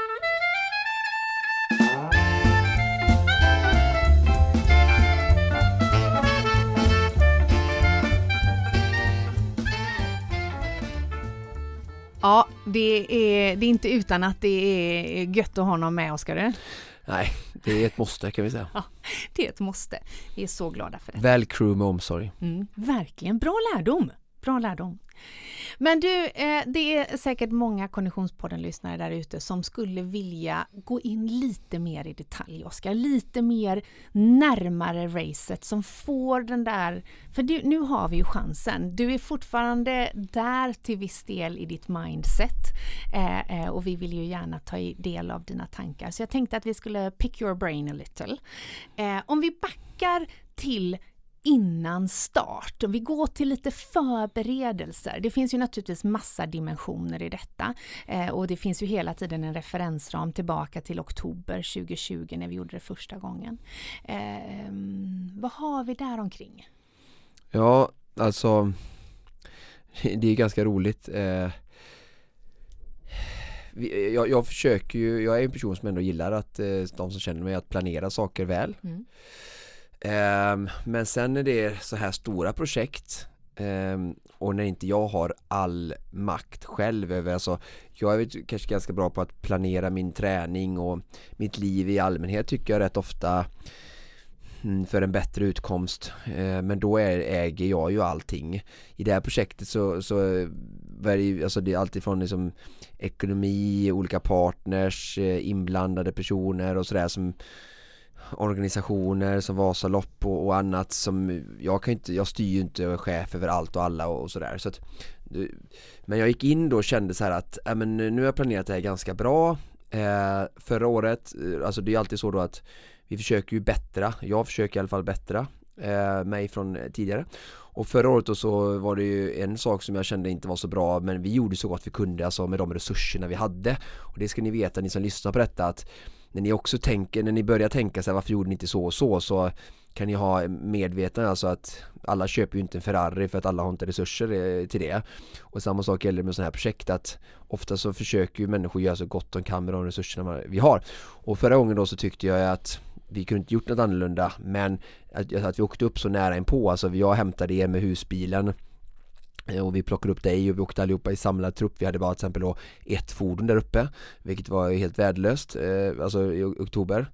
Ehm, och det var en lärdom så det hade vi inte det här året. Och vi åkte upp då alltså dagen innan. Vi åkte upp på Jag gjorde det på torsdag så jag hämtade er på onsdag morgon. Vi kom upp typ på onsdag lunch och så hade vi en eftermiddag. Sen skulle jag sova. Kom i säng ganska sent då också eh, och, och, kände att nästa år om jag ska köra igen så vill jag ha mer sömn. Mm. eh, och komma, som vara mer lugn och ro så att jag redan vid kanske 7-8 inte behöver stå och blanda sportdryck utan att jag kan eh, gå och lägga mig och sova direkt efter middagen. Och, och då hann vi till och med att spaa eh, och dricka en öl i bubblet du och jag och Thomas. Och, och det ändå tyckte jag att det var liksom för dåligt med förberedelser Eh, och liksom få landa bara där inför en sån här stor utmaning som en Ironman eller något annat sånt där kan vara eller ett maraton som för andra människor men en väldigt stor utmaning för, dig- för dig själv. Eh, så då hade vi planerat att fråga Thomas då som eh, är det okej om vi kan åka upp på um, onsdag redan? Um, Så planen var att åka typ vid lunch men som, som, som allt händer och så kom vi iväg vid ja, fem, sex kanske till slut då men det var ändå liksom, eh, tävlingen var ju på lördag så vi var fortfarande liksom två dygn före oktober eh, genomförandet Resan upp gick felfritt, vi, vi fick bra käk på vägen upp eh, eh, Jättefint. Och ehm, eh, kom upp till hotellet eh, vid typ, eh, vad kan det ha varit, 11 någonting eh, Tog en promenad, eh, träffade Svan ute på mitt i natten typ kvart i tolv som var ute och nattvandrade med massa studenter som han hade s- det barn då som har åldern inne. Så att eh, vi pratade med dem lite, det var lite kul att få att connecta. Eh, och sen gick och la oss. Sov ändå helt okej, jag vaknade ju i, i min sons eh, tids eh, eh, du, rytm så vi före sex där gick jag ner och frukosten öppnade tror jag typ sju eller något sånt där så att, eller halv sju så att eh, jag fick i alla fall lite kaffe i lobbyn där så att jag jobbade lite och förberedde mig och då tänkte jag ju så här att ja, men nu är jag här uppe eh, i tid och, och nu, nu kommer jag liksom ha liksom så. Men så torsdagen rullade ju på med att jag ville göra ett träningspass och vi Jag skulle ha massage och sen så skulle vi fixa massa andra grejer och det var ju hela tiden uppkopplad med Både produktionen och dig Niklas och alla där inblandade och sen även då nio deltagare som, som drog och slet med all rätt i, i mig då eh, som var kontaktperson att Ja, fixa lösa allting och sådär Sen kommer du upp på eftermiddagen och ja, men hela torsdagen bara försvann eh, på något sätt. Eh, Och jag, alltså jag bara berättar hur det var. Och det var Det var ju svårt att veta det innan menar jag. Men, men lärdomen nu efteråt är ju att eh, Alltså det är en sak Jag underskattar, jag kanske såg lite det här året och det är helt mitt ansvar men såg lite det här året som förra året men nu hade vi nio personer till och varje person utöver mig själv adderar ju en, en, en extra grej. Och sen också hade vi ju en väldigt stor, mycket större produktion runt om detta där du och jag och Niklas tillsammans ansvarade för det. Så jag hade ju såklart en del av det ansvaret i den produktionen också att lösa vissa delar. Ehm, så att sen kom ju, ja, så att sen kommer du ihåg, du och jag gick upp på fredag morgon. Vi satt där ute på frukosten vid typ åtta, jag var uppe vid halv sju, sex som vanligt och du kom vid ja, halv åtta någonting. Sen så kändes det som vi bara satt där fram typ till lunch liksom fyra timmar bara. Och vi, vi, vi bara, alltså bokstavligen varje minut satt vi och jobbade som arslen med alla förberedelser liksom. Och rätt som det var så, så, så ja, vi skulle ju göra en grej med Svan där och sen så skulle vi äta och du gick iväg någonstans och förberedde dig och fick äta lunch och jag höll på med något annat, jag kommer inte ihåg vad det var och jobbade och Sen så klockan klockan halv tre och då frågade du mig, har inte du ätit? Jag bara, nej jag har inte hunnit äta lunch än eh, Ja, för då har det gått som sju timmar innan jag, sen jag åt frukost så då är det så här Det är inte så bra Men, eh, ja så den dagen flög ju på också Mm. eh, Med alla förberedelser som bör och men jag menar Det är ingenting jag ångrar utan det var bara att, att, att göra det som var tvunget att göra innan 04.00 dagen efter. Och, och sen så slutade det ju med att eh, Ja men vid 11, halv 11, 11 där så så var jag ju på hotellrummet då och höll på att packa mina kläder bokstavligen liksom så här. De här lådorna du vet som var berömda med cykel, Mm. rullskidor de var helt tomma, det var ett kaos på hotellrummet liksom. Jag hade inte liksom eh, lagt en sekund på vad ska jag ens liksom Jag visste ju ungefär såklart men jag hade liksom inte någon struktur på de här lådorna och kläderna. Så jag började plocka med det då och Knasen och, och Thomas var med mig på hotellrummet och även Fredrik.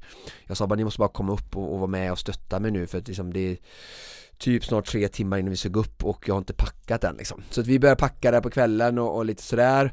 Det kändes som vi hade liksom, i alla fall skönt att eh, ingenting var glömt, allt fanns, det var koll på utrustningen, det var hel.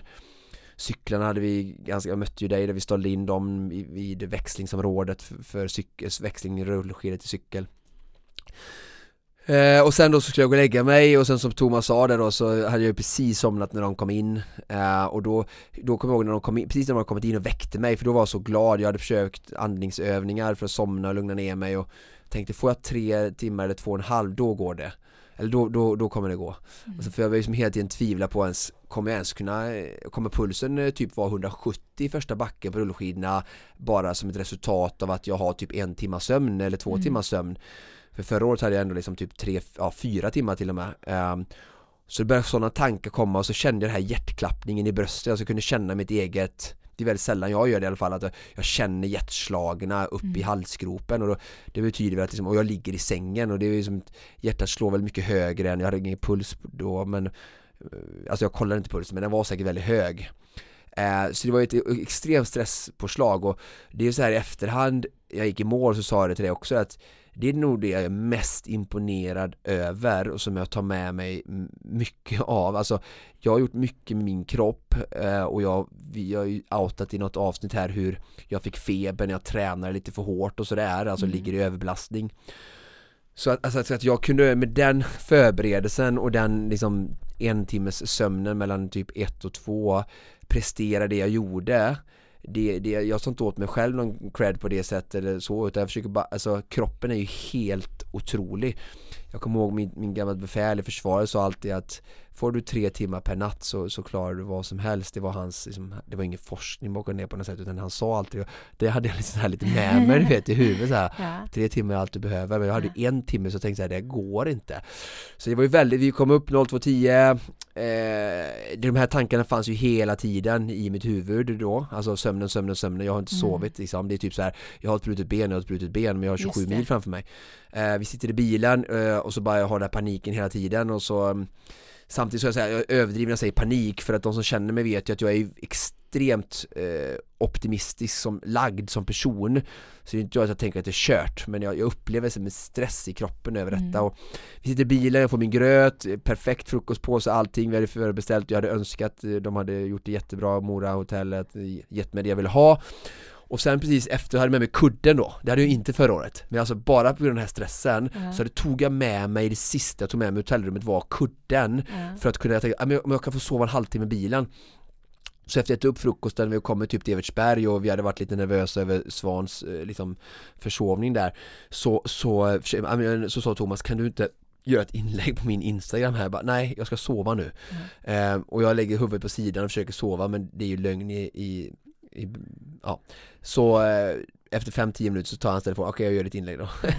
Äh, och, och, Så jag sov ingenting i bilen, men vi kom till starten och då när bilen stannar, då är det liksom då är typ nervositeten, då, då, då, försvinner nervositeten och jag i alla fall går in i, det är 30 minuter kvar till start, vi är här enligt tidsplan nu är det sån här bajsa, vaselin, eh, koll på utrustningen, jag visste att jag skulle ha en sån här mygga på mig eh, Som Niklas ville ta på mig med sån här vagväskan där, där den här radioutrustningen skulle ligga i. Och, och bara liksom allting som måste såklart innan start nu, astmamedicin, eh, pulsklocka, bam bam bam. Så då är jag inne i den här bubblan. Jag fick gå på toa, det är alltid en sån här check som vi berättade om. Och skratt, du skratt, tycker det är roligt. Men det är verkligen en sån här stor grej att bara få tömma tarm och task. Kommer till starten, eh, de andra värmde upp, jag hann inte det. Eh, Men jag var inte orolig över det. Eh, Och eh, vi står för starten, fantastiskt eh, inramning med Mats Lindström som vi hade fått dit eh, Jättetacksam att han kom och sjöng. Nationalsången. Mm. Eh, hörde du den på, från studion? För jag vet att du var ju uppriggad och uppkopplad och du gjorde någon kort, gjorde vi en sån, vi skulle gjort intervju 3.45, jag kommer inte ens ihåg om vi gjorde det vi gjorde intervju då. Vi gjorde intervju då. Och det ja. hade inte gått att sända om inte jag hörde det, för det var via mig vi sände det. Just det, att, eh, ja. ja. men bara där ser du liksom vilken bubbla jag var i, varför jag mm. inte hann en uppvärmning och sådär, att jag, jag, eh, jag, det är svårt att, eh, ja, mm. så himla mycket in, in the zone på något mm. sätt. Um. Men starten är, är ju ändå ett magiskt ögonblick där ni samlas, för där har du ju även då dina medtävlande med. Ingela är där för första gången, Mattias Svahn är ju såklart på hemmaplan eh, och, och, Andreas eh, är med från, från, eh, från mixlaget. Va, pratar ni med varandra där eller vad, vad, hur var stämningen? Nej, det fanns inte tid till det. Eh, alla var så fullt, tror, alla var lite nervösa, jag var lite nervös och, och pepp och också det här tävlings eh, kom ju för att jag hade två egentligen nu då, jag hade mina egna krav eller liksom förväntningar jag, som jag ändå ville ha angående tid och sådär vad jag hade för förhoppningar, jag ville ju slå min tid på mm. 18-12 eh, gärna med en timme kanske Just. Eh, och eh, framförallt ville jag slå de andra lagen, alltså vi tävlade och jag visste jag var väldigt ödmjuk, alltså att jag skulle möta en helt fräsch eh, atlet, atlet varje, varje sträcka distans, ja, ja. och Mattias är ju jätteduktig på rullskidor, även om han säger att han inte tränar så mycket så tränar han en hel del och, och han har ju väldigt fin teknik och sådär va, så att mm han är, och Johan på cykel och, och Amneskog är ju en van löpare så herrlaget men även mixlaget med Andreas på rullskidor och sådär så att, och damlaget, jag, jag visst, jag har tänkt så här, kan jag slå ett lag då? Då är ju alltså mm. bra men, men jag vill ju, jag är ju tävlingsmänniska så att mm. det var viss sån liksom, nervositet också när vi stod där och vi, vi pratade verkligen ingenting egentligen under morgonen där eh, utan det bara att komma iväg och sen gick det av sig självt i princip. Den Konditionspodden lyssnare som följde sändningen, vilket var väldigt, väldigt många måste jag säga och speciellt nu i efterhand också tittat på det, noterar kanske eh, personen som Niklas, reporter Niklas, eh, refererar till som junioren. Eh, vi har faktiskt inte berört eh, honom som ju då är unge herr Svan, var ju också med där. V vad var tanken där? Nej, det var ju mest, alltså, det blev så här efterhand nu med stavincidenten så var det ju svinbra. Mm.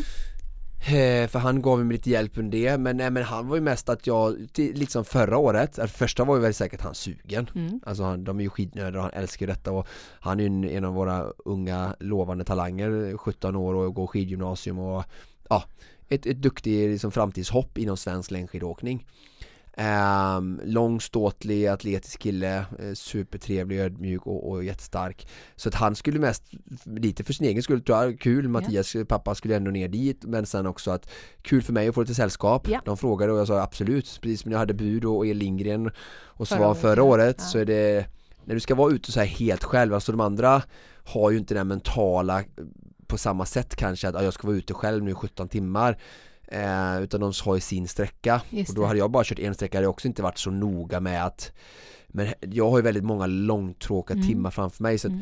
varje liksom, följeslag jag kan få är ju nytt, eller väldigt tacksamt då, mm. i alla fall för mig. Mm. Och så han var med i början där och eh, jag som, ja, ni som undrar då, liksom, han åkte ju hela tiden jämte mig. Um, och sen vid ett tillfälle sa så här, du får väl köra intervaller någonting om du ska bli trött. Så när vi kom till backen där efter typ 8-9 km och det är en stigning på 5-6 km rätt upp då, då, då åkte han typ 20-30 minuter framför mig och eh, ja, jag vet inte jag tänkte inte så mycket, alltså jag fokuserade inte på honom och tävlade inte mot honom.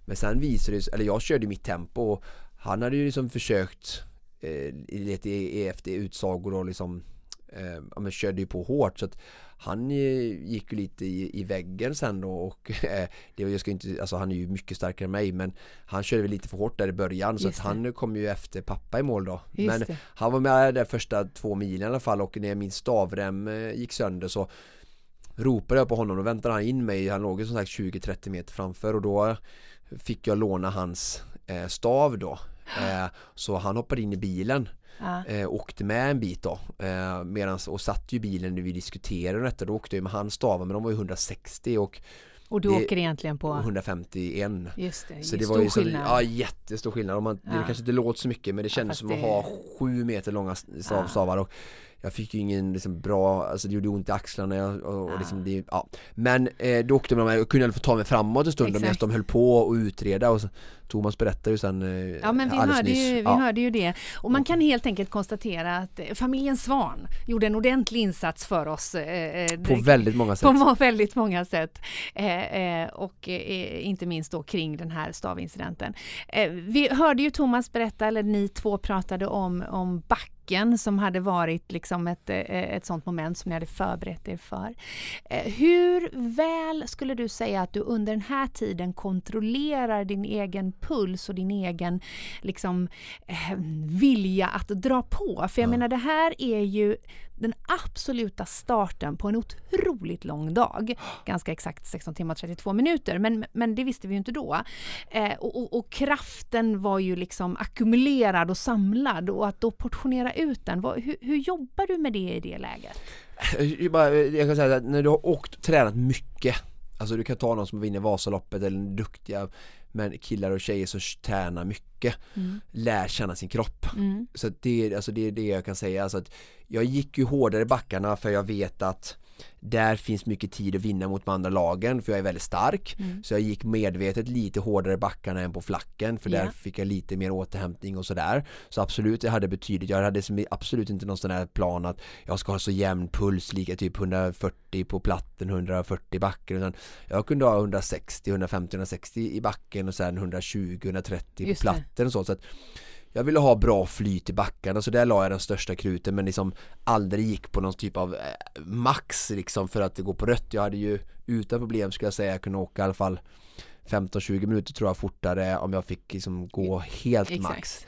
Men, men ehm, Eh, nej men så kontrollerat och bara som sagt lyssna på min kropp och jag, jag känner ju precis om jag går för hårt och Mm. jag visste ju att jag kan inte gå liksom på rött som man kallar det eh, någon gång och det gjorde jag inte heller så att det, kändes kontrollerat. Mm. Mm.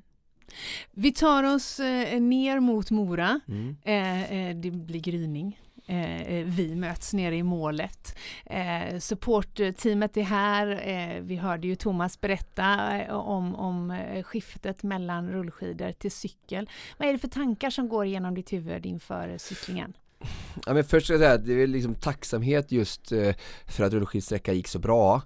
Eh, jag slog i årets tid väldigt mycket trots det här liksom eh, den här incidenten och Mm. liksom mycket där tar jag också med mig att det var också det ting jag tänkte innanför loppet, inför loppet att Oskar, du, jag har varit med om så många när har haft svackor på Ötjö eller Ironman och när det sen har vänt. Jag hade faktiskt en utvärdering med min far, han kommer ihåg, han sa det där, käkade lunch på onsdagen ja, innan jag åkte upp till Mora att du kommer ihåg där när du körde så bra i Kalmar så Första gången jag gick under nio timmar så satt jag i tält i typ fem minuter och, och hade, var som så här, ja men nu får jag bryta. Men jag satt där bara åt och åt och drack och helt plötsligt bara hoppade kroppen igång. Så gick jag från att sitta ner till att springa ja men ja, 4.20, 4.15 fart igen. Ehm, så sådana erfarenheter när den här stavgrejen händer Mm. Har blivit en styrka att kunna att möta de här utmaningarna som hör till. Alltså, Mm. det, det är många människor tycker jag kan och det, alltså, om ni lyssnar på detta nu så pratar jag inte om stavremmen som någon slags ursäkt eh, någonting utan det, det, det, det är bara saker som hör till och händer alla. Ingen och de andra lagen också. Ingen, varken jag eller de andra lagen tar sig igenom sånt här med någonting enda strul. Alla hade Mm. någonting Mm. som hände. Ehm, så att eh, jag kan, som en sån sak att mitt pulsband eh, funkade inte. Jag har glömt att synka det med nya klockan. Ja. Alltså jag glömde det. Det var ju som helt otroligt sådär va. Så jag fick inte den informationen som jag verkligen ville ha. Eh, så, så det kommer alltid hända saker. Så, så när jag kom till rullskidorna till målet, där, som du säger, så var det som en tacksamhet att jag hade mött eh, de utmaningarna som hör till eh, på så bästa förmåga och eh, ja, 3.46 56 var ju min tid då eh, så det var, och jag kände mig väldigt pigg. Just det. Eh, det och vad hade vi känslan. på rullskidorna förra året? Eh, 4.12 Just det. Ja. och Svan hade jag och Andreas hade jag hoppats att vara ungefär 10 minuter, 10-12 minuter hade jag sagt lite innan så här, ja men Ja. gör jag ett bra lopp så kan jag klara det. Att du hade 10 minuter upp på dem. Ja, så då precis. skulle de i så fall ha gått med någonting på 3.56 då. Ja, det hade precis. de ju verkligen inte. Nej, eh, herrlaget då med Svan kom in på 4.05.49 så ganska exakt 19 minuter bakom Mixlaget hade 4.11.56 eh, Så han Med var ju Andreas typ, då, ja. ja, eh, sex minuter blir det ja, bakom Svan var Mm, Andreas Mm, och Ingela hade precis under 5 timmar 4.59.26 mm, Ehm, så att det, det det var ju Jag visste ju inte riktigt att det var så mycket, fick jag reda på mitten på cyklingen sen då men oavsett så visste jag att det här, Jag tyckte det var skönt, jag hade så här, kan jag få cykla iväg? Jag hade ju min, min tre minuter som vi sa där växeltid men jag använde typ Jag kom in typ 3.46, alltså precis under 3.47 och så såg jag 3.53 så att när jag satt på cykeln och cyklade under målportalen Då hade det gått 6 minuter från att jag kom in i motportalen så Det går ju alltid bort kanske en minut 30 plus 30 sekunder att bara ta sig till och från liksom, trottoaren om man Ja. säger så och Sen kanske jag hade typ fem minuter då till ombyte kläder, käka upp min lasagne mm. Svara på mina frågor. Svara på dina frågor och, och lite sådana saker Ja. och koppla på mygga, eh, telefon, GPS eh, sådär Mm, mm.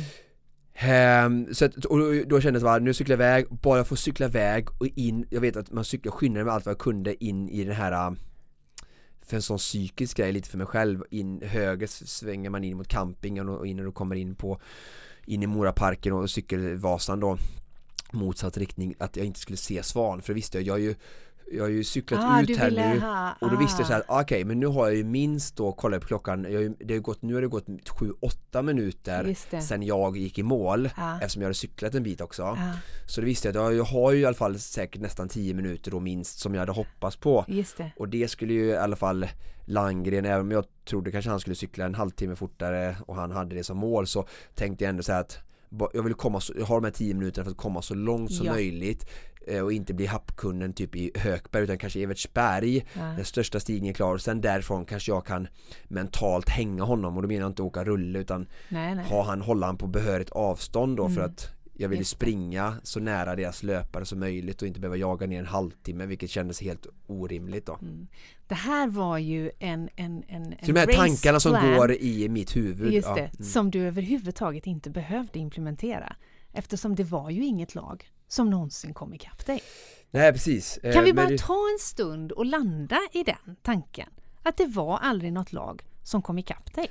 Nej, eh, alltså nej precis. Eh, jag, jag tänkte ju hela tiden det är bara en tidsfråga innan de kommer under loppet och, och det är ju skönt att de inte gjorde det. Jag hade ju kanske, jag gjorde ju en lite bättre prestation än jag kanske hade till och med kunnat drömma om. Jag hade ju vid det här laget ändå jag kollar på klockan så här, äh, men eh, under 16 nu, det, det, det är det du går för Oskar. Just det. Ehm, och, och sen, eh, men det var jag, jag hade faktiskt, det var en sak faktiskt, du, du frågade hur jag kände mig där. Jag hade jättespänd vänster baksida.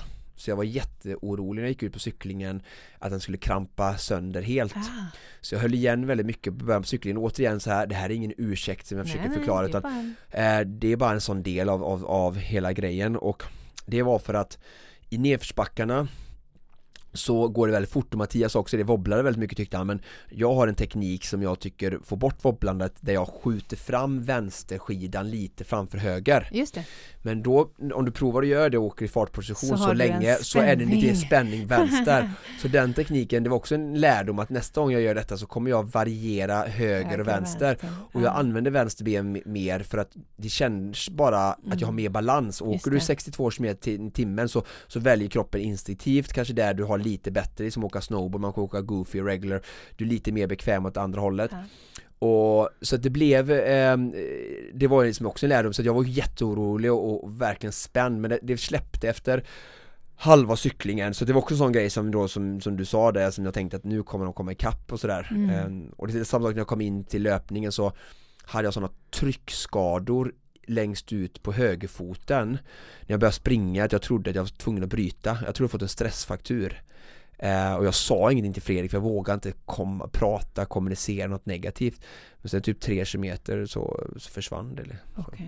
Men okej. ja, så det kom Ja, hela tiden ja, såna här ja, grejer ja, och även, ja Men, men, men vi ska inte gå händelserna i förväg och Nej. hamna på löpningen redan utan vi, vi är kvar i cykelsträckan och Mm. här måste jag ändå bara göra en reflektion kring att förra året, för det är ändå det, det är ju den enda referensen som finns. Det är ju den gången, den enda gången du har gjort det, den enda gången någon har gjort det. Vi gjorde ju Supervasan i oktober.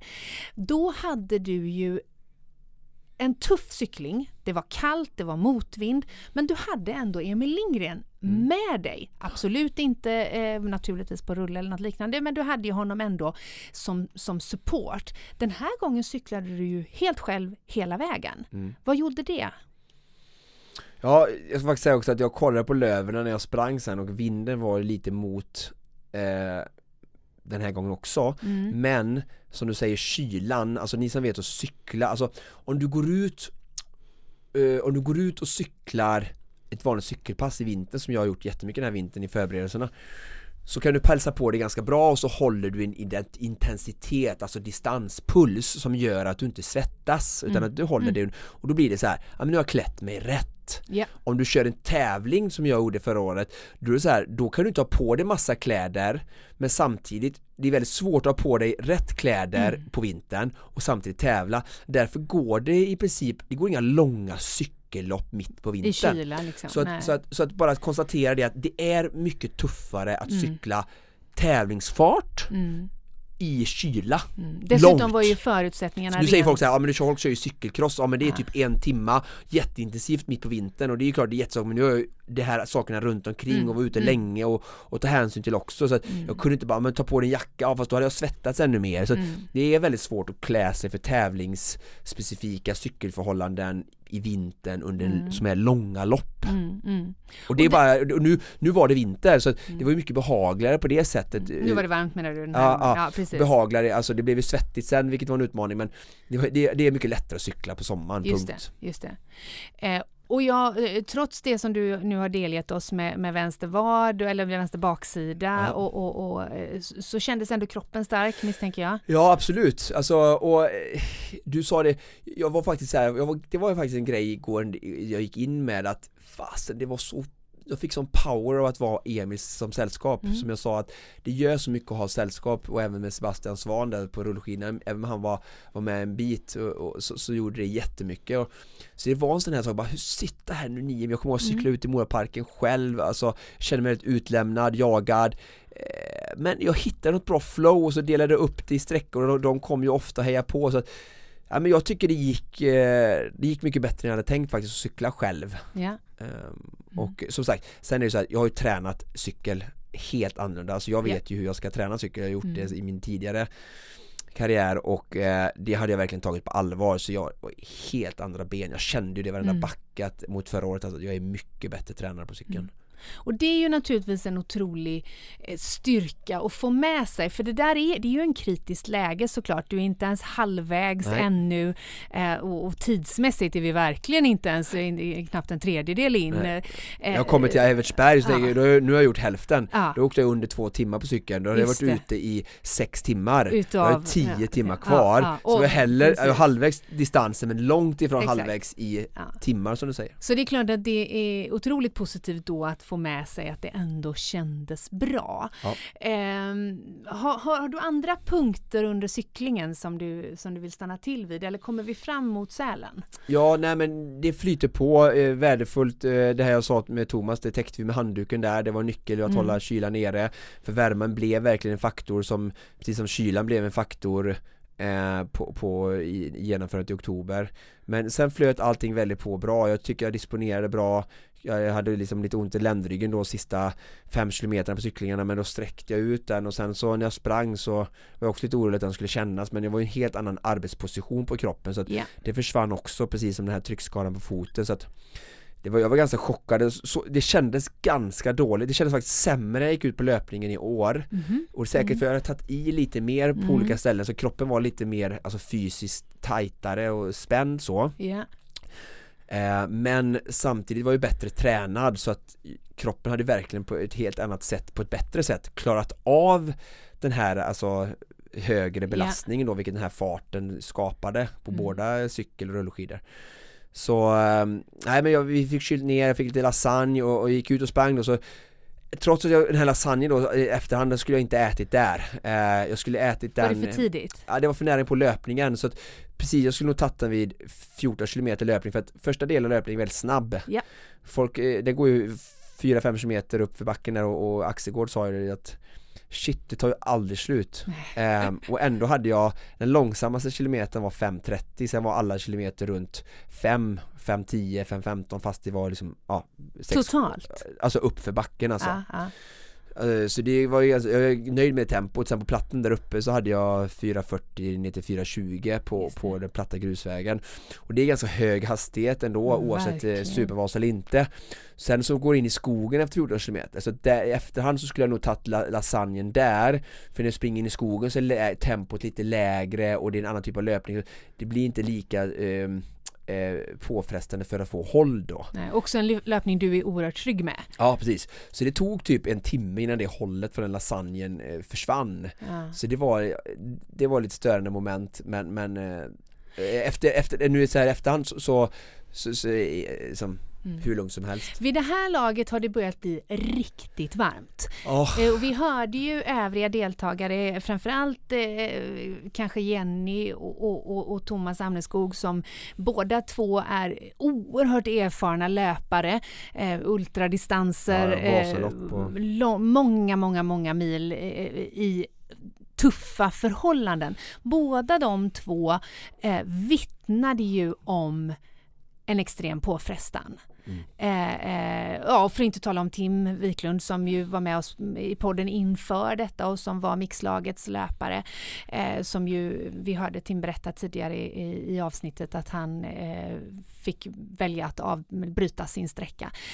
Det här är ju, som jag sagt tidigare, det är inga duvungar. Nej. Det här är erfarna löpare, erfarna atleter eh, som har ett enda syfte och det är att jaga ikapp dig, att gå i mål på en bra eh, tid på nio mil. Men de hade inte en sportslig. Nej. Vad är det som händer Oskar Olsson? Ja, eh, nej, men det ena var ju att, eh, det var också bara så man ska få ett perspektiv. Alltså, jag som följer triathlon och Ironman väldigt mycket eh, och så har vi ju liksom eh, The Golden Race, Ironman Kona, där vi, alltså, både proffsen och alla vi som är nördiga analyserar det som en unik bana, precis som att någon skulle analysera Holmenkollens unika bana med extremt mycket backar ja, ja. mot andra världscuplopp ute i världscupcirkusen längdskidåkning så, så vet alla att, ja men typ på löpningen här så är det 10 slag högre mm. på, eh, på grund av ja. värmen och luftfuktigheten och det blir bara direkt att alla, alla de bästa proffsen allihopa springer 10-15 minuter långsammare än om du tar dem på en mara någon annanstans i världen. Yep.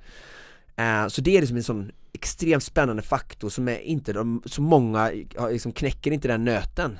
Um, för att det, det är en värmehantering, det, du ska vara mm. både smart, strategisk, du ska kunna pacea dig mm. du, du, du måste anpassa dig efter de rådande förhållanden, du måste använda vissa typer av nedkylningsstrategier och mm. uh, du måste också träna inför det och, och, och sådär då va och med det som bakgrund då, så bara för att ta en rolig grej att när jag springer där uppe på platten så det kan du fråga Fredrik också så här efter, han, han sa och kommenterade ju det bara shit vad gör du?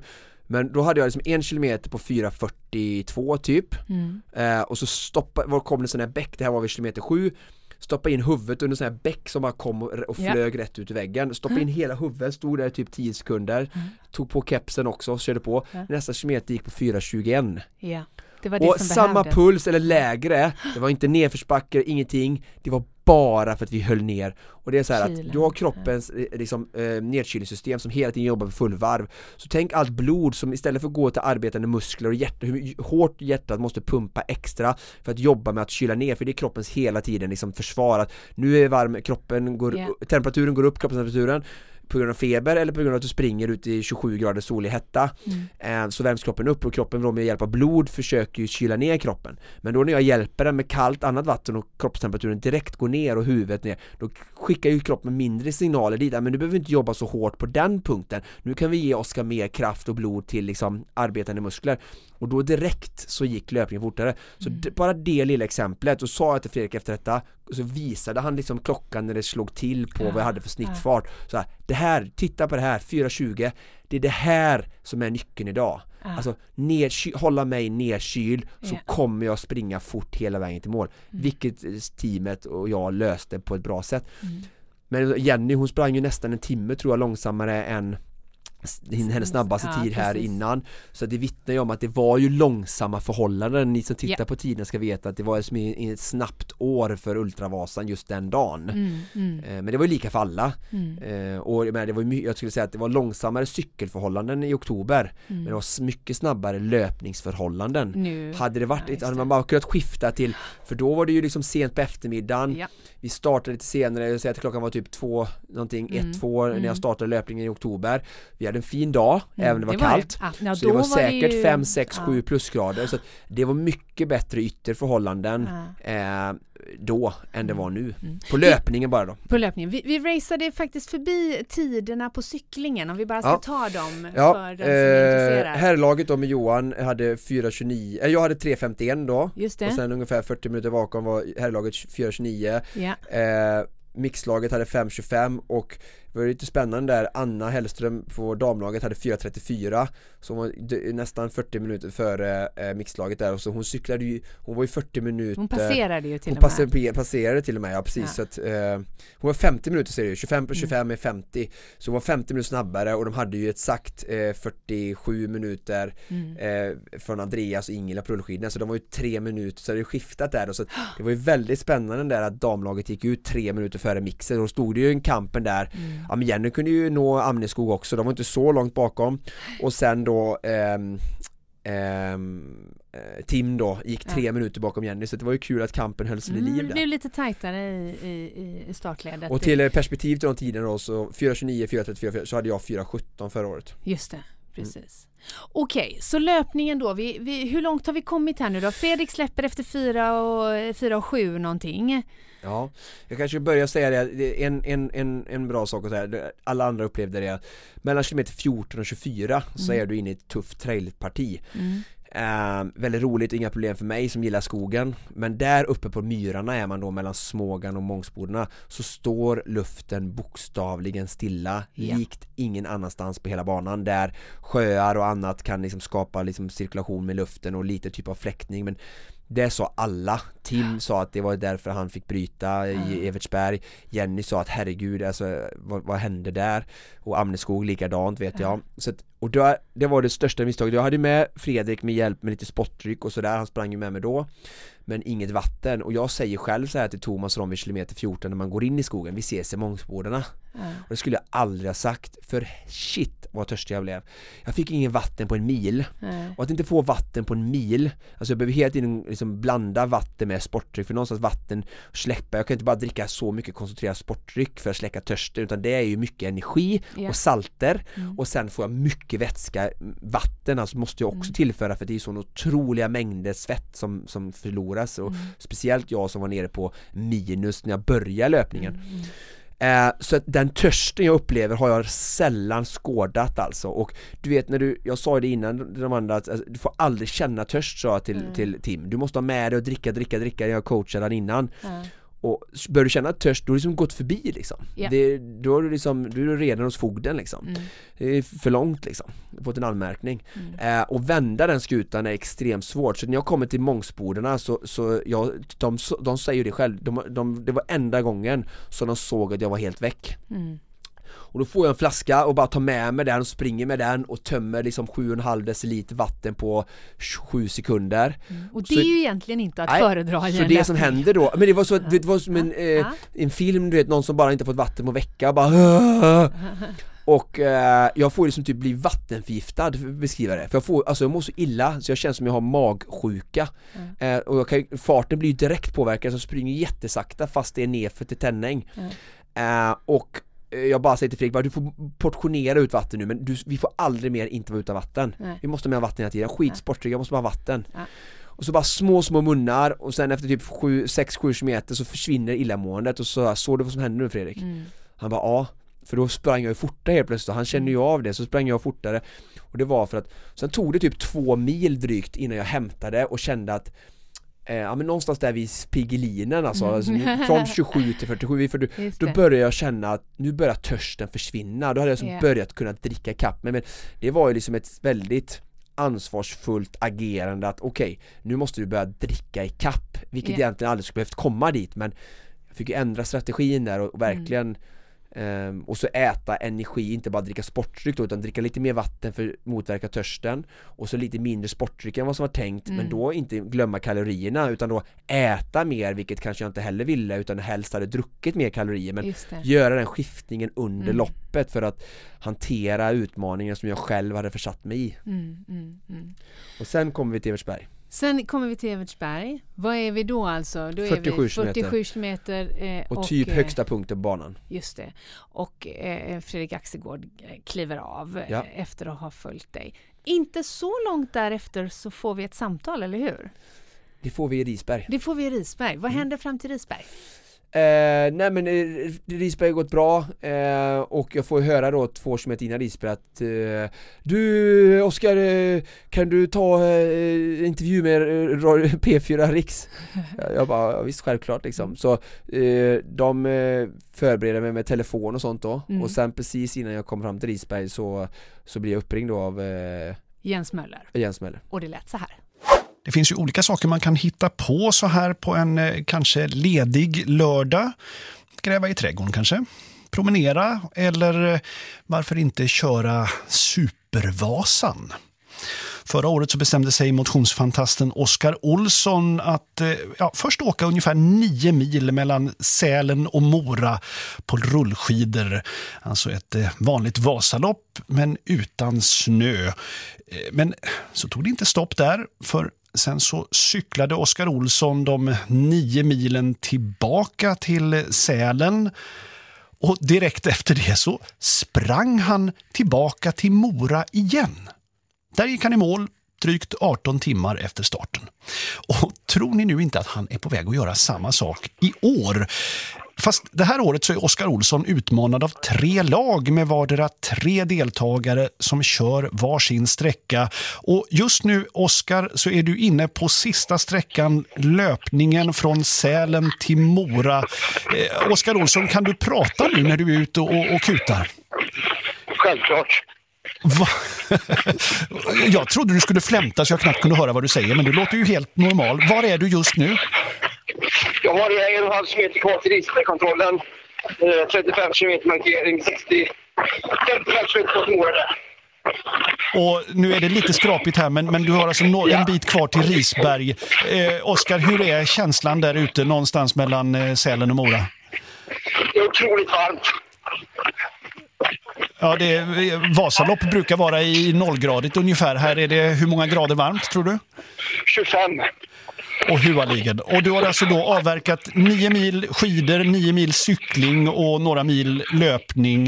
Eh, hur mår eh, lår, knän, hjärta?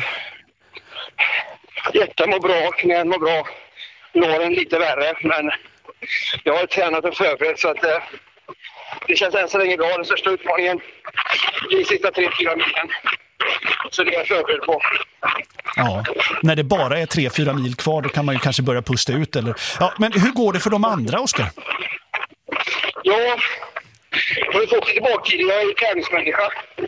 Så eh, jag tror jag leder över det första laget för ungefär nästan en mil. Kanske 50 minuter. Oj! Eh, jag vet inte ifall lyssnarna hör vad du säger riktigt, men om jag förstod det rätt så, så ligger du alltså eh, en mil före ett av de andra lagen. Eh, Oskar Olsson, efter förra årets Supervasa så ska du ha tänkt aldrig mer. Men uppenbarligen är det någonting som har fått dig att ändra dig. Vad då?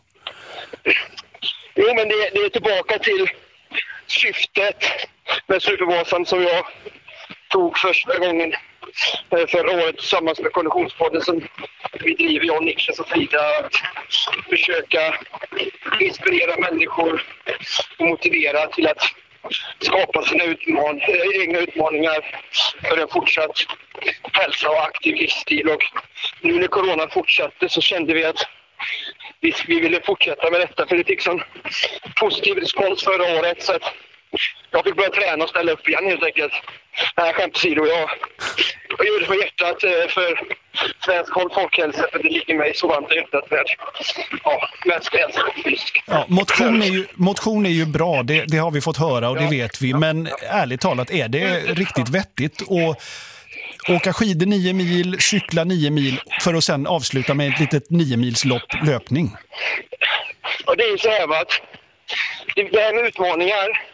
Jag har hållit på med Ironman och ÖTÖ-racing genom mina dagar. Och det viktigaste med en utmaning det är att den är stimulerande för individen och anpassad efter individens förutsättningar. Och för mig som tränar mycket så är det en utmaning som är precis på gränsen vad jag klarar av. Jag tror att det krävs motstånd för oss människor för att vi ska utvecklas. Och alla kan ju såklart inte göra supervas utan alla ska hitta någonting för dem själva som är utmanande och stimulerande och att blir till gränsen så att man känner verkligen en skön känsla och stolthet när du går i mål med en utmaning. Och det kan ju vara att göra tio intervaller i backen hemma utanför huset eller vad som helst. Så att, och sen så är det så att inte då, det ena är ju att jag det är en utmaning då som stimulerar mig men så det är ju så att ju extremare saker vi gör så tenderar vi att få lite mer uppmärksamhet och det är ju ingen idé att göra detta om vi inte når ut till svenska folket med vårt syfte. Så jag fick ju välja någonting lite halvextremt också. Och Ja, jag vet inte, eller, eller helextremt kanske. Och vi ska göra det tydligt, alltså, jag förstår det som att du kutar nu när vi pratar. Du har inte liksom stannat vid vägkanten utan du springer på och har en, en 5-6 mil kvar till Mora. Eh, sista fråga Oskar, nästa år är du tillbaka där med, för en ny Supervasa då eller? jag utesluter aldrig någonting. Jag är ja-människa. Och om det finns intresse och engagemang som det varit i år från människor runt omkring, eh, partners, sponsorer och även liksom tittare så, så vi får utvärdera ja, som vi gjorde förra året och jag vill gärna fortsätta med saker som har en, ett gott syfte. Så att om marknaden, om jag på att säga vill, så ställer jag gärna upp igen för jag gillar sånt här helt enkelt, som engagerar. Jag förstår kanske, och vissa tycker att du är galen, men det var underbart att prata med dig. Oskar Olsson, lycka till eh, och må du få en god korv eller någonting när du kommer fram. Tack för detta, lycka till, hej!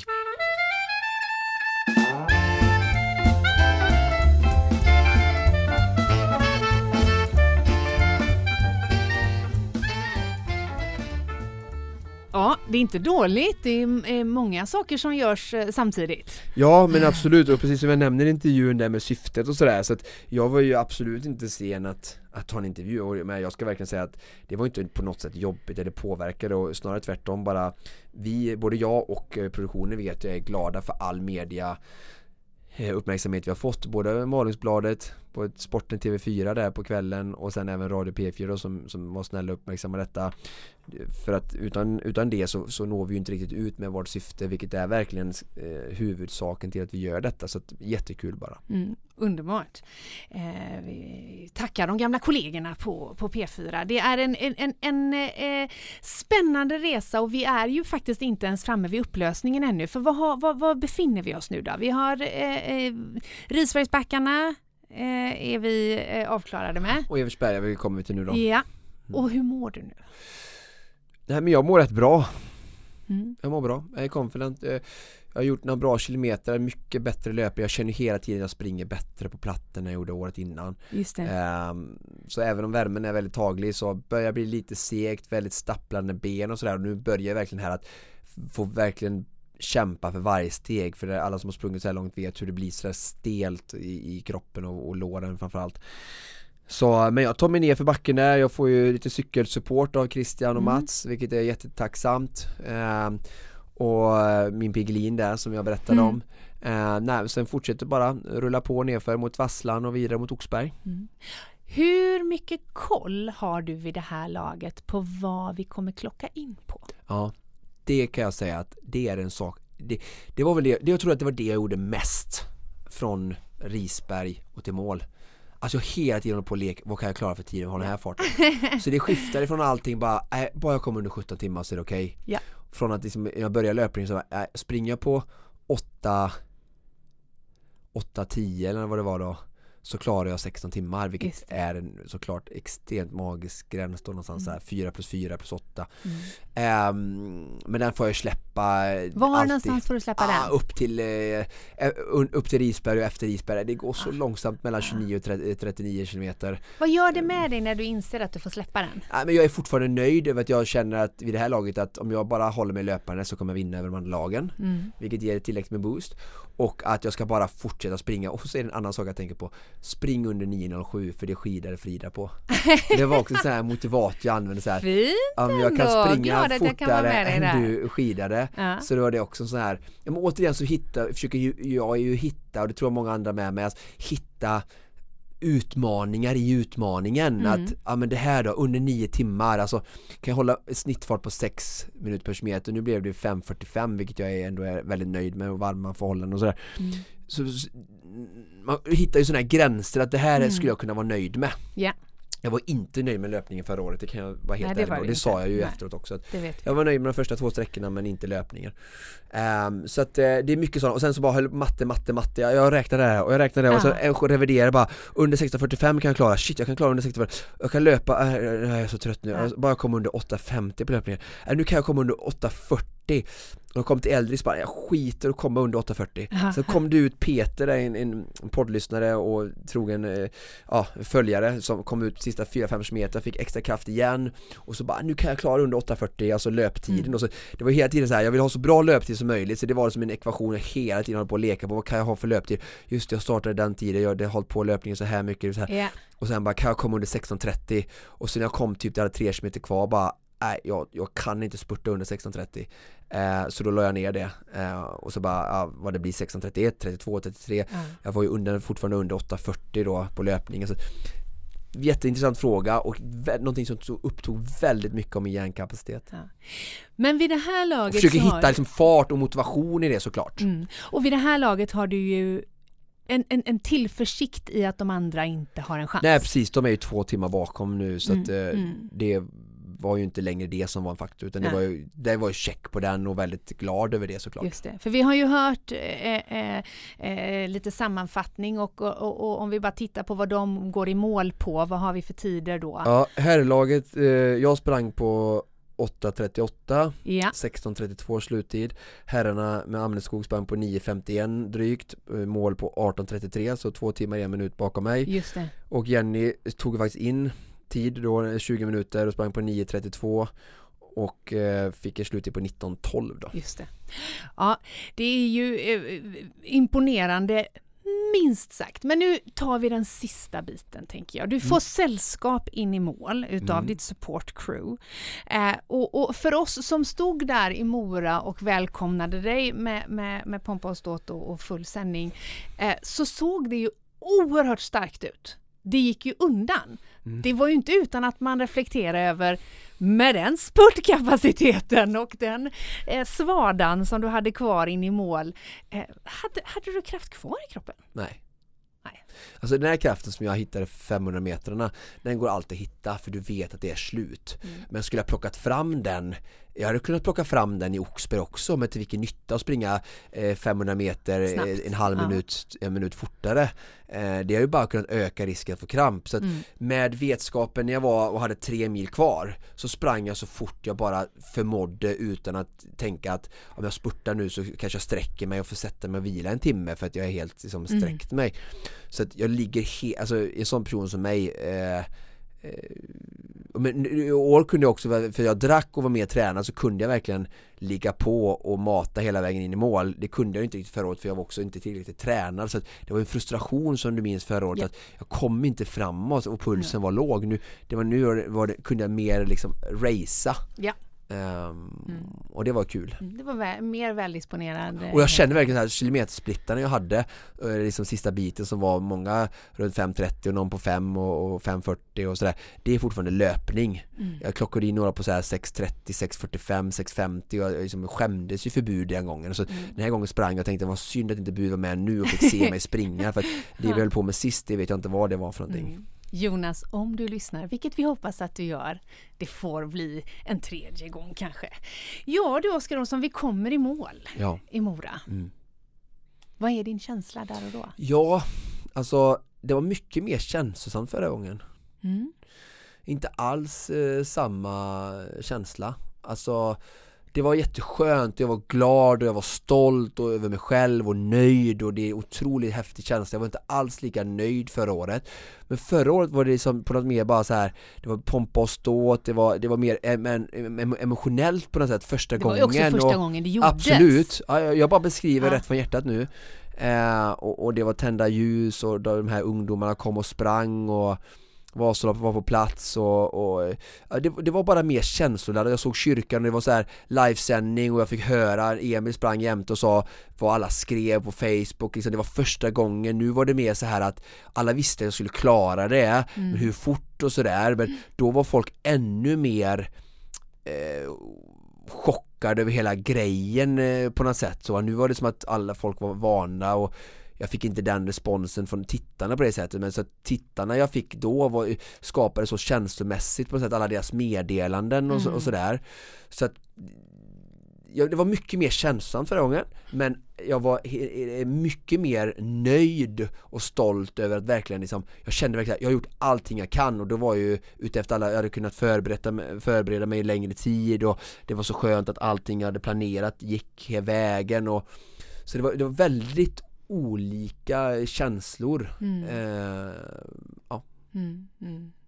Men det var ju skönt att komma till Mora, se styrkan, eh, glädje och kul när teamet sprang med mig. Alltså sådär, jag, alltså, det är inget Mm, negativt. mm, mm. Jag bara ändå Ja, det, är jämför en, dem. det, är en, det är onekligen en, en, en makalös prestation och jag, jag säger det igen, har du inte tagit del av allt det material som, som finns eh, kring detta så gå in och titta. Eh, det ligger på Facebook på Konditionspoddens sida så man får, får vara med och uppleva det igen. Ja du min vän, det var en race report som heter duga. Mm. Nu är vi i mål. Vad händer med Supervasen tror du? Ja, Det är nog många som undrar. det, det tror jag Vet det är jag, för jag har fått undrar. många som har skrivit. Precis, och då Vad tänker är jag... din spontana från din syn utan att jag säger någonting? Eh, För jag har inte sagt till dig om jag skulle vilja köra igen eller inte. Nej. Jag tror faktiskt spontant att Supervasan har fått ett eget liv. Mm. Jag tror och hoppas Tack vare super- lagen. Definitivt, ja tack vare eh, din idé, tack vare initiativet men tack vare vad det har eh, förvaltats till att bli. Så hoppas och tror jag, precis som eh, din ambition var, vår ambition var, eh, att skapa ett evenemang som främjar rörelseglädje och utmaningar efter den egna kapaciteten. Eh, så i vilken kontext den återkommer, i vilken form folk tar sig an den, det eh, vet vi inte ännu. Men att det redan är ett fenomen, det tror jag vi kan vara helt eniga om. Kul att höra. Det känns som att eh, det finns alldeles för mycket eh, att hämta mellan Sälen och Mora för att eh, eh, eh, släppa det vid det här laget. Det är eh, verkligen en speciell plats. ja, för, Mm. både för mig och för många. Och roligt att göra produktion kring. Och, men även om inte jag själv känner så här, "Nej, det absolut största jag vill göra nu är att göra det igen. Och det säger jag inte för att jag är trött. Jag kan tänka mig att göra det igen så. Men Mm. jag tror verkligen på det här med eh, att lag att kunna utmana sig Mm. och bygga vidare på det och bjuda in fler och lag nästa år och, och göra till en sån grej. Mm. Ehm, det hade jag tyckt var kul att engagera mig. Och jag tänker att vi skickar ut den eh, med känslan, kärleken och passusen till eh, våra lyssnare för vi gör ju detta tillsammans. Eh, vi kommer ju nu att ta en liten sommarpaus men likt den Boomerang Konditionspodden alltid är så vet man aldrig när vi är tillbaka igen. Eh, men vi finns ju alltid att nås via våra sociala medier så tveka inte att skicka eh, dina tankar, reflektioner och önskemål om vart Supervasan tar vägen, vart Konditionspodden ska ta vägen. Eh, bästa kontaktvägen är ju oftast via Instagram eller via Facebook. Vi älskar att vara i ständig dialog med er. Ehm, Gratulerar Oskar Olsson! Tack Frida och detsamma till dig. Jag, jag ska försöka, vi ska försöka fira detta på något sätt och jag ska bjuda ut dig och Niklas och ja, vill också såklart att ni får eh, lite utrymme, vi har ju fokus på mig nu men alla ni som njöt av, eh, av produktionen ska veta att det är ett, liksom ett slit från Frida och Niklas sida och alla andra inblandade Anderberg och med flera Joel och, och eh, ja, jag vill verkligen bara eh, tacka er också för att ni ville vara en del av detta och ja, jag har respekt och insikt i hur mycket ni har lagt i detta. Det är en spännande resa att få vara med på och eh, eh, vi är otroligt tacksamma att vi har fått eh, hänga i Sälen och Mora ännu en gång eh, med glädje och passion. Och det här, mina damer och herrar, var allt vi hade att bjuda på. Om du som lyssnar känner det där vill jag att fler ska få ta del av, tveka då inte att dela det här poddavsnittet i dina egna sociala medier eh, och såklart hemskt gärna prenumerera på våra, eh, våran podd. Eh, precis som vanligt, mina damer och herrar, produceras Konditionspodden av Fredag. Connect Brands with People.